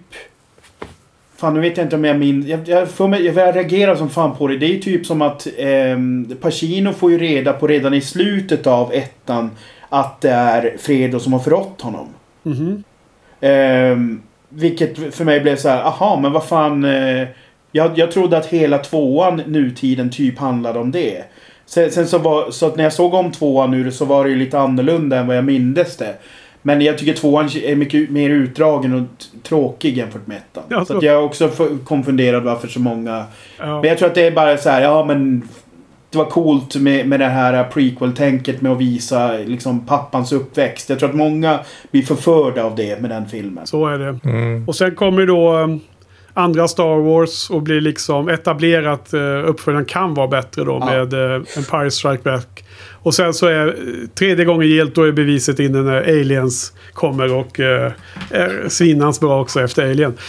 Nog om det. Vad heter det? det? Men det lustiga är ändå Frans att det du formulerade angående andra Gudfadern-filmen är liksom be beskriver mina känslor runt dagens film vi pratar om. Den onde gode Frule då. Så att eh, som du säkert själv känner igen att ungefär samma som du sa är det, är det som jag försökte formulera i början här av filmen. Ja, visst, av, visst, visst. Vad heter det? Eh, jättespännande diskussioner hörni. Eh, nu är det dags för, om vi, inte, om vi nästan fick en liten avslut där på allt det så får vi börja titta vidare på, det kanske finns lite andra notes av uh, annan karaktär. ja, vi... alltså jag, jag skulle vilja, det, det här med, det här som du sa att du tyckte att, man, att filmen kunde ha berättats på 90 minuter och fortfarande haft liksom essensen av den här enkla historien. Det håller jag absolut med i. Grejen är så här att jag tycker att det som är det briljanta här är kombinationen av att, av att ha de här äh, otroligt stensäkra scenerna som, som bara berättar exakt vad som behöver berättas och sen ha de här långa karaktärsutvecklingsdelarna. Mm. Alltså exempelvis när Tucko får sin pistol. Också ett otroligt karriärs, karaktärsbyggande när han, när han är, är hos en vapenhandlare. Just det. Den är, och han, han liksom är jätt, jättenoga och till slut bygger han ihop sin egen pistol. Mm. Återigen visar någon som är jävligt kunnig på vapen. Liksom han, han först håller på så här och, och lyssnar på när han klickar runt den här trumman. Så är det någonting fel. Så det är därför han bygger ihop sin egen grej ja. där. Mm. Jättebra scen. Ja, som sätter, sätter honom återigen som den lite mer seriösa karaktär som jag upplever honom som. Eh, än kanske än, än Alltså, jag, men Joel, jag, Jag, jag är inte riktat mot dig. nej, inte riktat jag vill bara kommentera det för allas, för, för on the record, att jag, jag liksom köper din, eh, din syn på honom. Men vi, Ja, ja. har en, vi har en tonskillnad på det här. Det, vi- det är inte 180 Jo, jo, men det här lägger jag ju bara fram som ett argument för... vad- Ja. Ja, liksom- det är jättebra. Och, och det är också en av de scenerna jag skulle liksom... Eh, nu behövs det mycket jobb att tänka igenom om man nu verkligen skulle kunna klippa ner den eh, hårt. Men jag menar, och, och det kanske förstör hela Frans teorem här om helheten. Men det är ju absolut inte en av de scenerna med kriget som jag pratar om Joel. Det här du pratar om det är ju liksom i den lilla filmen. Ja. Den filmen som är i samma värld som de två första. Ja, ja, exakt. Men det, det jag vill åt är att innan och efter kanske du har två scener som är svinviktiga för den här eh, Mm. berättelsen som handlar om skatten. Medan den här scenen handlar egentligen bara om att sätta Tuko. Liksom. Ja. Och jag, för, för mig så... så, så mm, jag blir aldrig uttråkad av den här exempelvis. Och det finns även liknande med när... Eh, den är i och för sig mer... Den har ju mer... Den, den kombinerar ju eh, handlingen. Det är ju det här när Lima Cleave kommer och ska döda familjen där. ja. Det är Vilket ju är en fa- hans fantastisk... Ja, Precis i början menar du eller? Ja. Och det, det, var, en- det var en grej som jag också har, har slog mig framförallt vid Jag glömde att ta upp det vid den förra filmen. Men jag tycker att mycket av den här interiör, interiöra scenografin och även exteriör scenografi känns väldigt... Som om det här nästan skulle kunna vara på planeten Tatooine. Alltså de här Ja. ja. hy, hyttorna och här liksom... eh, kurva, kurviga exakt. taken och allting. Ja. Precis. Precis. Och även lite såna här vissa exteriörer där man skulle kunna se två solar utan problem. Ja, exakt. Liksom. Eh, Eh, men eh, men sen, sen när det gäller krigs, krigsdelarna så, så är det ju... Jag tycker den första, första delen där vid lägret. Eh, skulle, man, det, det, det är en sån grej som jag absolut skulle kunna se att om Leone satt nu och så hade han liksom en moder, modern assistent med sig som bara ja men här kanske du ska trimma lite. Absolut, och det går ju att göra utan att man tar bort de elementen som behövs. Däremot, som jag tog upp med den här DVDn, den här brosekvensen tror jag inte alltid har varit med i filmen. Men sen har man väl på något sätt... Alltså... Dels så är det ju antagligen en av de dyraste scenerna i hela filmen. Så det var väl säkert så här att producenten grät väl blod när de klippte bort den då i den här amerikanska versionen först. Så att den har väl alltid varit en pipe dream att få igen liksom. Dä- Däremot jag köper inte riktigt varmhjärtat det här att, att den här döende kaptenen får liksom, eh, han får sin... Så att han, han kan liksom dö med ära när bron är sprängd. Vilket ju den scenen signalerar väldigt tydligt. Alltså det är ju så här, det är mer så som att de gör, alltså att Tuco och Clintan Clinton gör ju honom en tjänst när han på sin dödsbädd när de spränger bron lite grann. Och jag får väl inte riktigt den eh, filmorgasmen där som, som de vill att man ska få. Eh, så att de 14 minuterna hade jag väl absolut kunnat vara det, utan. om man följer Frans teorem så är det ju inte att han får någon ära utan han får ju sin salvation där. Jo, jo, men eh, fast nu pratar jag inte om... Det här, det här handlar bara mer om hur jag upplevde scenen. Ja. Alltså för att det är så tydligt att man, man ser hur han får någon slags... Ja, det är som att nu kan han dö. Eh, nu, kan han, nu kan han liksom dö. Utan, Han kan bli lättad, han kan bli känd Ja. att nu, nu är det här onda inte kvar. Precis. Hans mannar, de få som lever kan, kan få gå hem. Men jag, jag tycker det är intressant att du nämner den där. För att det är så himla tydligt att, att eh, det som händer precis före är ju att eh, de är i en utsprängd eh, stad där de flesta har flytt. Man ser att eh, en jättelång scen där man bara ser folk som går på gatan och går iväg. Och har sina vagnar med alla sina hus, eh, hussaker. Ni vet den scenen. Sen stannar ju Clintan och uh, där inne. Och sen kommer ju Angel Eyes med sina eh, snubbar. Och så blir det en eh, strid där inne i den stan. Slutar med att eh, Clintan och Turko dödar ju alla utom Angel Eyes. För de hittar inte honom. Han försvinner ut ur... Eh, han, han drar iväg någonstans. Då är det så jäkla upplagt för nu ska vi gå till skatten. Nu ska vi gå till filmens klimax. Därför nu har alla vet massor med information. Angel Eyes vet vilken ställe det är. Och Clintan och Turko vet tillsammans vilken, vilket, vilken är byn och vilken är graven. Och då kollar jag, för det här var jag ju medveten om från förra titeln, att här blir ju den här extra extra scenen då som, som du nog helt korrekt spanar på att den har säkert varit ute och inne ur filmen under olika versioner och Joel. För då har alltså gått två timmar och 13 minuter. Och då är jag superredo för, alltså i filmens eh, takt, i filmens liksom värld så är jag redo för att nu ska de ta sig till det här stället de har pratat om så länge. Men då blir det hela den här nya stickspåret och sen kommer de till skott på det sista. Och då landar man ju på 2.59 istället för 2... Ja, 33 kanske eller något sånt där. Om det är ungefär 20 minuter Mm. på den sista scenen. Så det var min lilla utläggning om just den biten. För jag, jag tog faktiskt och noterade hur, hur det var. Precis som jag noterade att inledningen var ungefär 45 minuter. Lustigt. Men, men det är ju en bra inledning. Jag älskar de där långsamma scenerna. Jag älskar karaktärsscenen när han och köper sin pistol eller snor sin pistol. Eh, Jag älskar den lilla dialogen i slutet när de förhandlar om priset som egentligen visar sig hur mycket han ska bli rånad på. Så jag älskar, men jag älskar nästan alltid den här typen av karaktärsbyggande scener. Och absolut över action, Joel. I många sådana stora MCU eller Fast and the Furious eller vad det än månde vara så är det ju liksom de här lugna scenerna när man bygger karaktärerna jag gillar. Så att jag köper det helt så. Okej, men du eh, Frans, hade du något in, instick här på det Joel pratade om? Eh, nej, det var- bara en intressant, eh, eller något som jag funderar på. Det, det finns någon symbolik också i den scenen. Va? Han säger att eh, Vilken scen? i den, i den i, som är i staden där, va? Mellan, mellan de tre och eh, eh, Blondie säger till Tuco att eh, Angel Eyes är där och det är fem av dem. Och det, det finns väl något sån här begrepp som de fem jävlarna. Jag har inte, jag har inte forskat på det här. Ah, Så jag ser, ser det också som en liten hint att det har något, någon slags Ja, alltså jag, jag, äl, jag älskar ju det här när, när de väl kommer fram och till den här då som ligger kvar då. Den som är skj, skjuten sedan tidigare. Och så ligger den här lappen. Och så, är det, så står det så här typ någonting med era idioter. Alltså jag gillar alltså att, att Lee Van Cleef befattar sig med liksom att kalla dem för idioter. Ja. Känns, bara, det känns lite off character. Men, men det är liksom... It's for, it's for you, säger han. Ja, ehm, nej men det finns ju många mustiga scener om man uttrycker sig så då. Så att eh, för sig så finns det ju en del eh, guldkorn så och eh, den är nog, eh, även om den är mörk i sitt slutbudskap fram så är den ju också ganska rolig i många scener genom resan fram, det vill jag säga.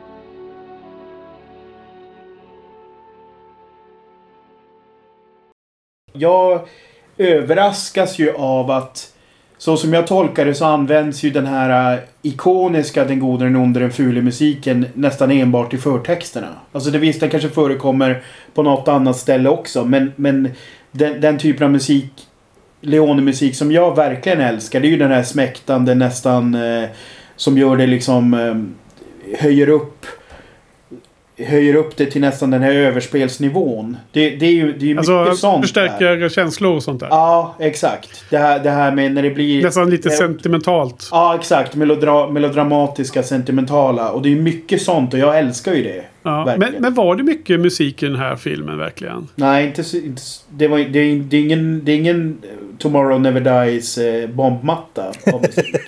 Det finns ju, det finns ju en genomgripande, en melodi som återkommer hela tiden. Som, som får en, en text, en fruktansvärt hemsk text i den här eh, dramatiska scenen när, när Angel Eyes misshandlar Tuko.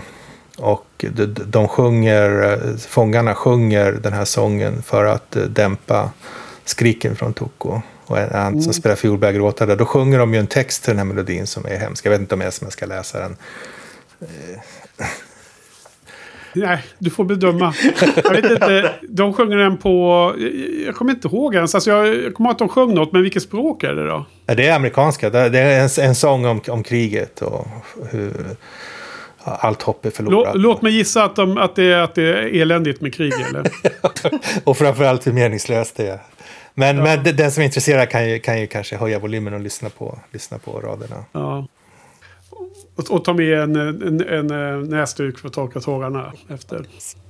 Ja, men, men hade en grej till. Är, är, det, är dags att Ja. ta den eller? För att ja det är dags. för det passar så bra när du sa det här med det här oh, oh, oh, att det bara var i eh, förtexten. Det är också precis i den sista, allra, allra sista sekunden av filmen så säger han ju, skriker ju Toko, son of a, och så dränks det sista ordet med den här oh, oh, oh. Ja. Och, och, och den, ju, exakt, exakt den effekten finns ju också i en annan film. Där, där, där, där en person säger son of a bitch, men bitch dränks av musik. Jaha, vilken är det då? Ja, det, det var så kul för att jag hade bara tänkt, tänkt upp det som en, som en lustig detalj. Men så nämnde ju du den filmen i början av podden. Så det blir världens återkoppling här. Ja, ja, Thomas Crown Affair på flyget i slutet. Ja, det här, det här är när de dansar och hon, hon säger till honom you, you, you son of a... Och sen så kommer trummorna in och dränker. Aha, det- när de dansar. För jag trodde att hon skulle sa kanske något liknande när han eh, lurade henne i, i flygplanet. Sa hon inte någon, Ja, det gjorde hon något. Ja, svärord då också? ja, ja precis, precis. Det är Jag sant. tror att de, att de... Är det inte så precis i slutet av den filmen också? Ja, jag vet Ja. inte. Vi får se om den. Som du sa så är ju de eh, filmerna, nu, nu kommer jag få kritik här, men de filmerna är ju också på ett sätt ganska lika varandra. Men det handlar om eh, övernaturliga väsen som, som eh, kommer ner till jorden och spelar ett spel.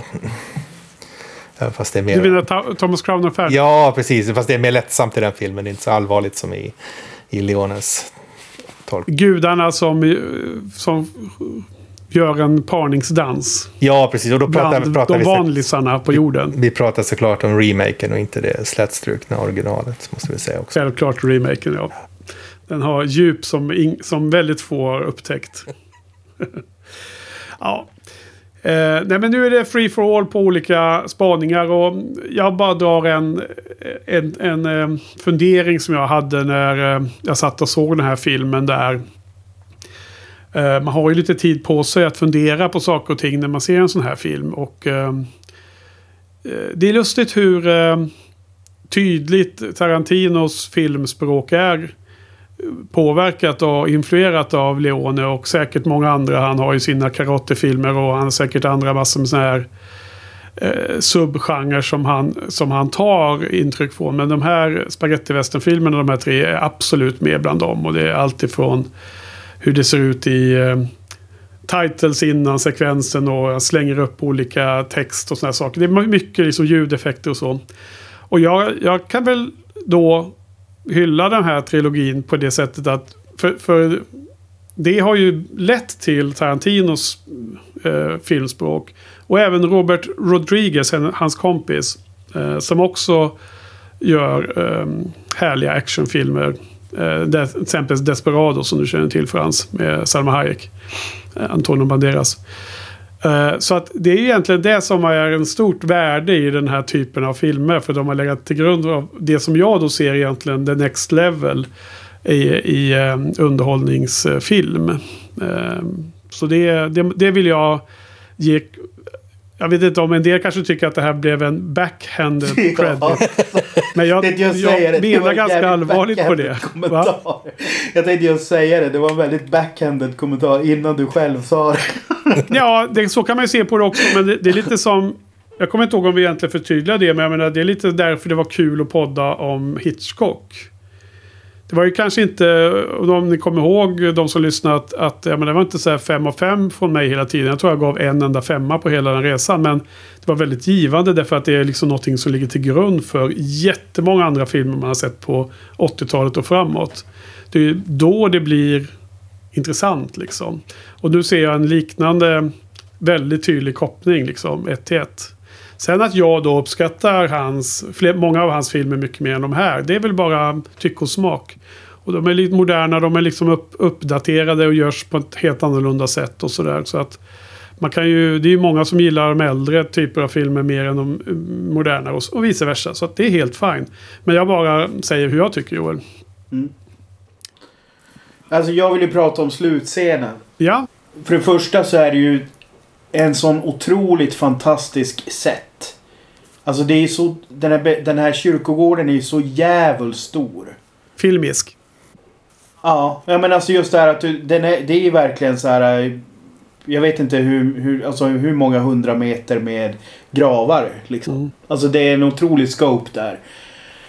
Men sen... eh, sen Är det Joel moment att se den? Eh, nej, men det var lite halv, halv Joel moment när eh, Tucko är där inne och springer. När man får den här fantastiska tilt, eh, Ja, tiltningen med kameran och han springer som ett barn nästan. Eh, för att han är så jävla upprymd. ja. Att han är så nära liksom. Ehm, och jag tyckte, jag tyckte den, den var väldigt bra presenterad. Det, hel, just det här vart själva skatten ligger. Men sen, eh, sen även eh, den här scenen eh, när de, när de står och tittar på varandra. Den här otroligt ikoniska scenen. Så är det ju ja det är Mexican standoff va? Ja, precis, precis. Så tycker jag det är fantastiskt. För den detaljen... Jag, måste ha varit trött förra gången jag såg den. För jag minns inte det här heller. Men just det här att, att Clinton har tagit ut skotten ur Tuckos pistol. Det gör ju att han behöver ju bara fokusera på en person. Alltså det är ju inte, det är ju inte en trio liksom, som har någon chans. Utan där är det ju snarare så att Tucko är ju återigen den som hamnar i skiten därför att få- får Livan Cleave för sig att skjuta mot honom. Han är ju chanslös. Han, Ja. han, kan inte, han kan inte göra någon skada överhuvudtaget. Och Clinton behöver bara fokusera på Livan Ja.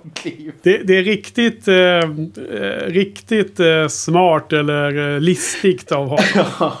Verkligen. Precis, han, han, ja.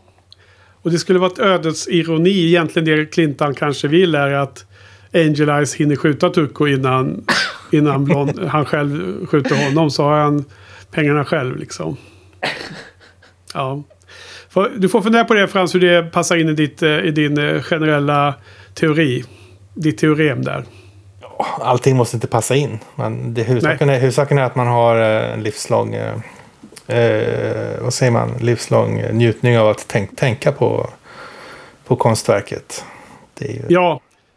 Och sen är Det- det väl så att konstverket hade inte varit ett konstverk om det hade varit clean. Det måste finnas massor med false information också i, i, i, teoremet för att det ska vara riktigt intressant. Ja, precis. Och man har ju också, känner ju också en motvilja om att hitta svaren. Va? För att när man, när man väl har kommit fram till svaret då, då, då är det inte så intressant att tänka på det längre. Så det är bättre om Då är, man... då är tiden slut. Ja, precis. Då är det bara att krypa fram till graven och lägga sig där. Det är liksom end of the line. precis. Ja, nej, men jag håller med Joel. Jag tycker att den här sista scenen är jättebra. Den är liksom en höjdpunkt i filmen och därför är det extra frustrerande när man vid 2, eh, kolon 13 inte går till sista scenen utan eh, så. Och det har liksom har med det att göra. Att, man, att jag vet att jag har sett... Man vet hur den scenen är. Att den skulle passa så bra. Att de verkligen bara gick direkt till den punkten då. Men eh, eh, det har framkommit. Så eh, vi släpper den. Frans, har du några andra spaningar som du vill lyfta upp? För vi börjar närma oss att få wrap it up här tror jag. Det har bestämt blivit den längsta inspelningen under Clintan-podden hittills. Ja, nej, jag tycker vi har, vi har gått igenom stort sett allt. Alltså det, alltså det närmaste jag hade ett riktigt, riktigt gåshudsögonblick. Det var nog faktiskt vetskapen att...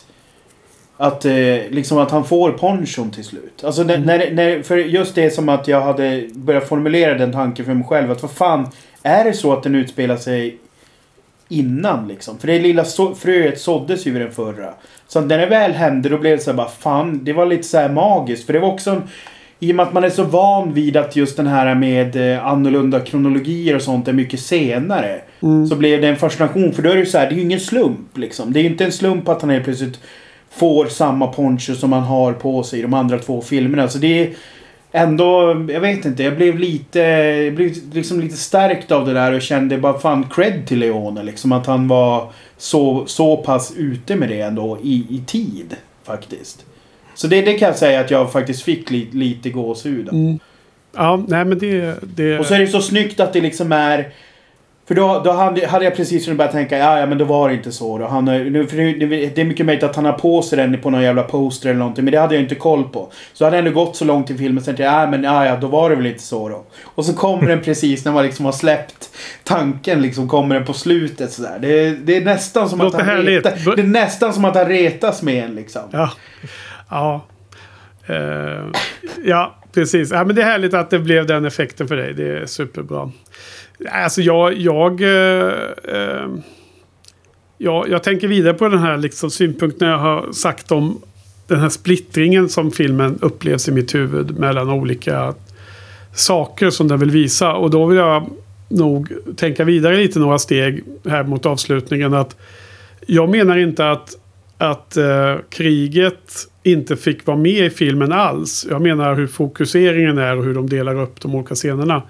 Så jag tänker att, att man kanske skulle ha med vissa saker i- mer i bakgrunden och i kontexten. Det går ju att få med på ett jätteeffektivt sätt om man bara gör om lite. Man kan fortfarande dra ner tiden mycket och klippa bort en del men ändå få den eh, eh, liknande typ av eh, innehåll Frans som, som du var inne och pratade mycket om i början och, och såg. Inklusive då att kunna visa Blondie har den här eh, superempatin mot den här eh, döende soldaten och jämna, lämna sin eh, tjocka militärrock. Eh, och sen plocka upp den här ponchon istället. Det kunde också ske i någon scen. Det är inte så att man måste... Bara för att man ska fokusera filmen mer i mina ögon betyder inte att ta bort viktiga element. De ska fortfarande finnas kvar menar jag. För att förtydliga det då. Nej, Alltså det, det, som, det som slog mig när jag såg den här gången var ju att jag har nog inte upplevt... Alltså, jag, jag, jag tycker att alltså det som antagligen gjorde att de... Jag, jag håller ju med dig att det, det, krigsdelarna är väl den delen som jag själv kan tycka är svagast rent historieberättarmässigt. Framförallt den här eh, andra delen med kaptenen som dör. och Det är som sagt, jag fattar vad den vill åstadkomma men jag är inte riktigt engagerad i det för jag vill vidare till det andra.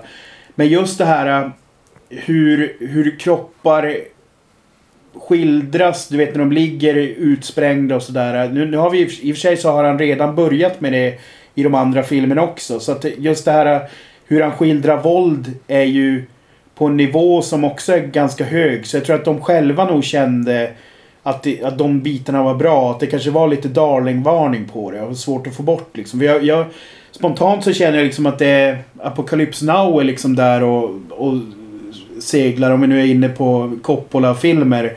Som jag varit tidigare. Den tycker jag också är väldigt stark i skildringen av, av liksom ett meningslöst krig. Och det, jag tycker den här är ju där och absolut nuddar vid dem. Och det kände jag redan medan jag såg den in, innan vi hört om hur Frans ser på det. Så att det var någonting som jag verkligen kände då som jag verkligen inte kanske hade med mig från förra gången. Så att jag fattar liksom varför det är där. Men det, för mig är det också den svagare, svagare biten i, i Ja. ehm, historien. Ja, och som sagt i de här krigsfilms... Eh, genren finns det så himla många exempel. Men ett, ett, ett eh, alternativ till den här eh, jämfört med vad du nämnde nu med Apocalypse Now är väl eh, The Deer Hunter skulle jag vilja säga som är otroligt personligt orienterat driven. Men som också beskriver krigets elände, eh, fasor. På ett väldigt, väldigt bra sätt utan att visa speciellt mycket från det. Um, Okej, vad heter det? Um, ja. Vad säger ni? Har ni något mer? Nu är jag uttömd. Nu. Det känns som att jag hade en, en till, men nu har jag tappat bort den. Så då, då glömde jag den. Du då Frans, har du någon mer spaning du vill dela med dig av? Jag är också uttömd. Ah, Okej. Men då ska vi ha en runda kring bordet då. Ehm, vad, vad säger ni? Eh, vi får ta samma ordning som i inledningen. Frans, är det, är det ett givet betyg från dig? Nej, alltså jag tycker inte att jordiska betygssystem kan hantera den här filmen. Nej. Vad, vad betyder det då? Ja, det, går, det går inte att... Nej. Han- Jag har sett en tia då, typ. Är jag. det, är det liksom... Är det en, Alltså, den eh, andra filmen då som jag får höra från dig som har 6 av, sex av 5 på, på betyg? Ja, så, Vid så sidan kanske... av eh, Thomas Crown Affair så är den här också en 6 av 5. Så, så kan man säga, precis. Ja. Okej. Oh, vilken eh, eh, eh, Kell spektakulär. Nu då Joel, vad, vad, vad dänger du till med? Ja, med, med tanke på hur... Hur mycket jag ändå uppskattar att och bara sitta och titta igenom den trots att jag sett den tidigare, även om det var länge sedan. Så... Eh, och jag hade liksom inga stora pacingproblem som man ändå kan ha med lite äldre, långa filmer. Så eh, kan det ju inte bli något annat än en femma. Bra. Ja, eh, Fem, fem av fem då. fem av fem. Ja, det är, det är det vi har. Ja, med, med brasklappen att eh, Frans teori här och hela den här världen eh, behöver behandlas så, så kanske det kan vara en kul grej att, att eh, eh, tänka vidare på filmen och omvärdera den i framtiden. Men eh, det betyget som jag hade känslan vid tittningen då som som du och alla personer Frans eh, står bakom så himla mycket att man ska köra på den magkänslan man har i betygssättning. Så då får det bli vad det blir. Så det är två fem. Ja, Ja, jag, jag tror, tror Sergio och Clinton kan bara hantera det. ja det, det får vi hoppas. Okej, mina herrar. Så det var ju härligt. Eh, men då ska vi börja blicka framåt. Och då är det lite ändringar faktiskt i schemat här nu som vi tänkte skulle nämna för våra kära lyssnares skull. Um, vi har, hade ju planerat en eh, första säsong av Clintan eh, här eh, med de filmerna som vi har listat i show notes. Men vi hade också hela tiden varit medvetna om att eh, i höst här nu då så um, kommer ju den emotsedda tv-serien Wheel of Time starta. Och eh, när vi startade podden den här säsongen så här visste vi inte ens vilket datum som Wheel of Time skulle dra igång. Men det vet vi ju nu och det är den 19 november. Och då kommer jag och eh, två andra glada herrar att podda om, dem, eh, om den tv-serien under de veckorna som den serien går. Som är ungefär, jag tror det är sex veckor det kommer visas. Eh, och då var det tänkt att vi skulle ha en paus för Clintan-podden. Men nu har vi ju, eh, och sen har vi dessutom tänkt förresten att det kommer ju en, en premiär på en eh, ny Clintan-film då som heter Cry Macho, va? Macho eller så. Och det var lite oklart om den skulle gå upp på svensk bio eller inte. Men i så fall hade vi tänkt att vi skulle klämma den också Joel då. Så var, var lite dagsaktuella för en, en gångs skull i denna poddsäsong. Eh, så det, det, var, det låg också som oannonserat eh, i- i tidigare plan. Men nu, because of reasons och eh, livspusslet så har vi bestämt eh, enhälligt här nu i gruppen att vi ska introducera den här pausen lite tidigare. Så vi kommer faktiskt göra ett break här nu då och eh, sen så återkommer eh, Shiny-podden med Wheel of Time, tv-serien. Det blir roliga grejer. Och sen efter det så återkommer vi med, med mer, eh, vad heter det, Clintan-filmer eh, därefter någon gång när det blir av. Så är det. Så det blir en liten paus nu för oss inblandade. Och för lyssnarna också. Och man, man har varit lite poddutbränd sista veckan typ. Ja, det har, inte, det har inte så mycket med det att göra. Det, Nej, det, nej, det, är många faktorer här. Vi behöver inte Ja. gå in på detaljerna. Men ja, det är säkert... Eh, det kan vara att folk tycker att det är lite trist. Men eh, det är bättre i långa loppet. Eh, nu får vi ta en liten paus och ladda batterierna. Och sen så kommer vi åter då som jag nämnde. Så är det med det. Eh, men eh, jag hoppas att eh, det här extra långa programmet om eh, denna film har varit en bra eh, liten mini-avslutning eh, med ett break mitt i den här första säsongen. Och eh, med tanke på hela den eh, förklaringsmodell och teori Frans har givit med sig av här för hela den här trilogin så kan vi tänka oss att våra lyssnare kommer sitta och se de här filmerna om och om igen här nu de närmsta veckorna. Eller hur Frans? Ja, det är väl den enda, enda naturliga slutsatsen. Det, det är rimligt som vi säger. Vad heter det? Jag kan faktiskt slänga, slänga ut en grej. Jag upptäckte ju att de- här tre ligger faktiskt på Viaplay. Om man Eh. är sugen på att kolla på dem. Ja, Så är de lä- lättåtkomliga där via vanliga Viaplay faktiskt. Som jag råkar ha den här månaden. Det är inte alltid jag har det. nej. Då, så jag kollar dem där. Fin, fin kvalitet och allting. Ja, via Play. För de som har det. Jättekul. Okej då, men då, eh, då säger vi så. Är vi klara för idag hörni? Yes, Yes. sir. Ja. Då säger vi så. Tack Frans och tack till Joel och tack till publiken. Och sen på återhörande en bit in i mitten av november. Think you could tell heaven from hell, blue skies from pain? Can you tell a green field from a cold steel rail? A smile from a veil. Do you think you?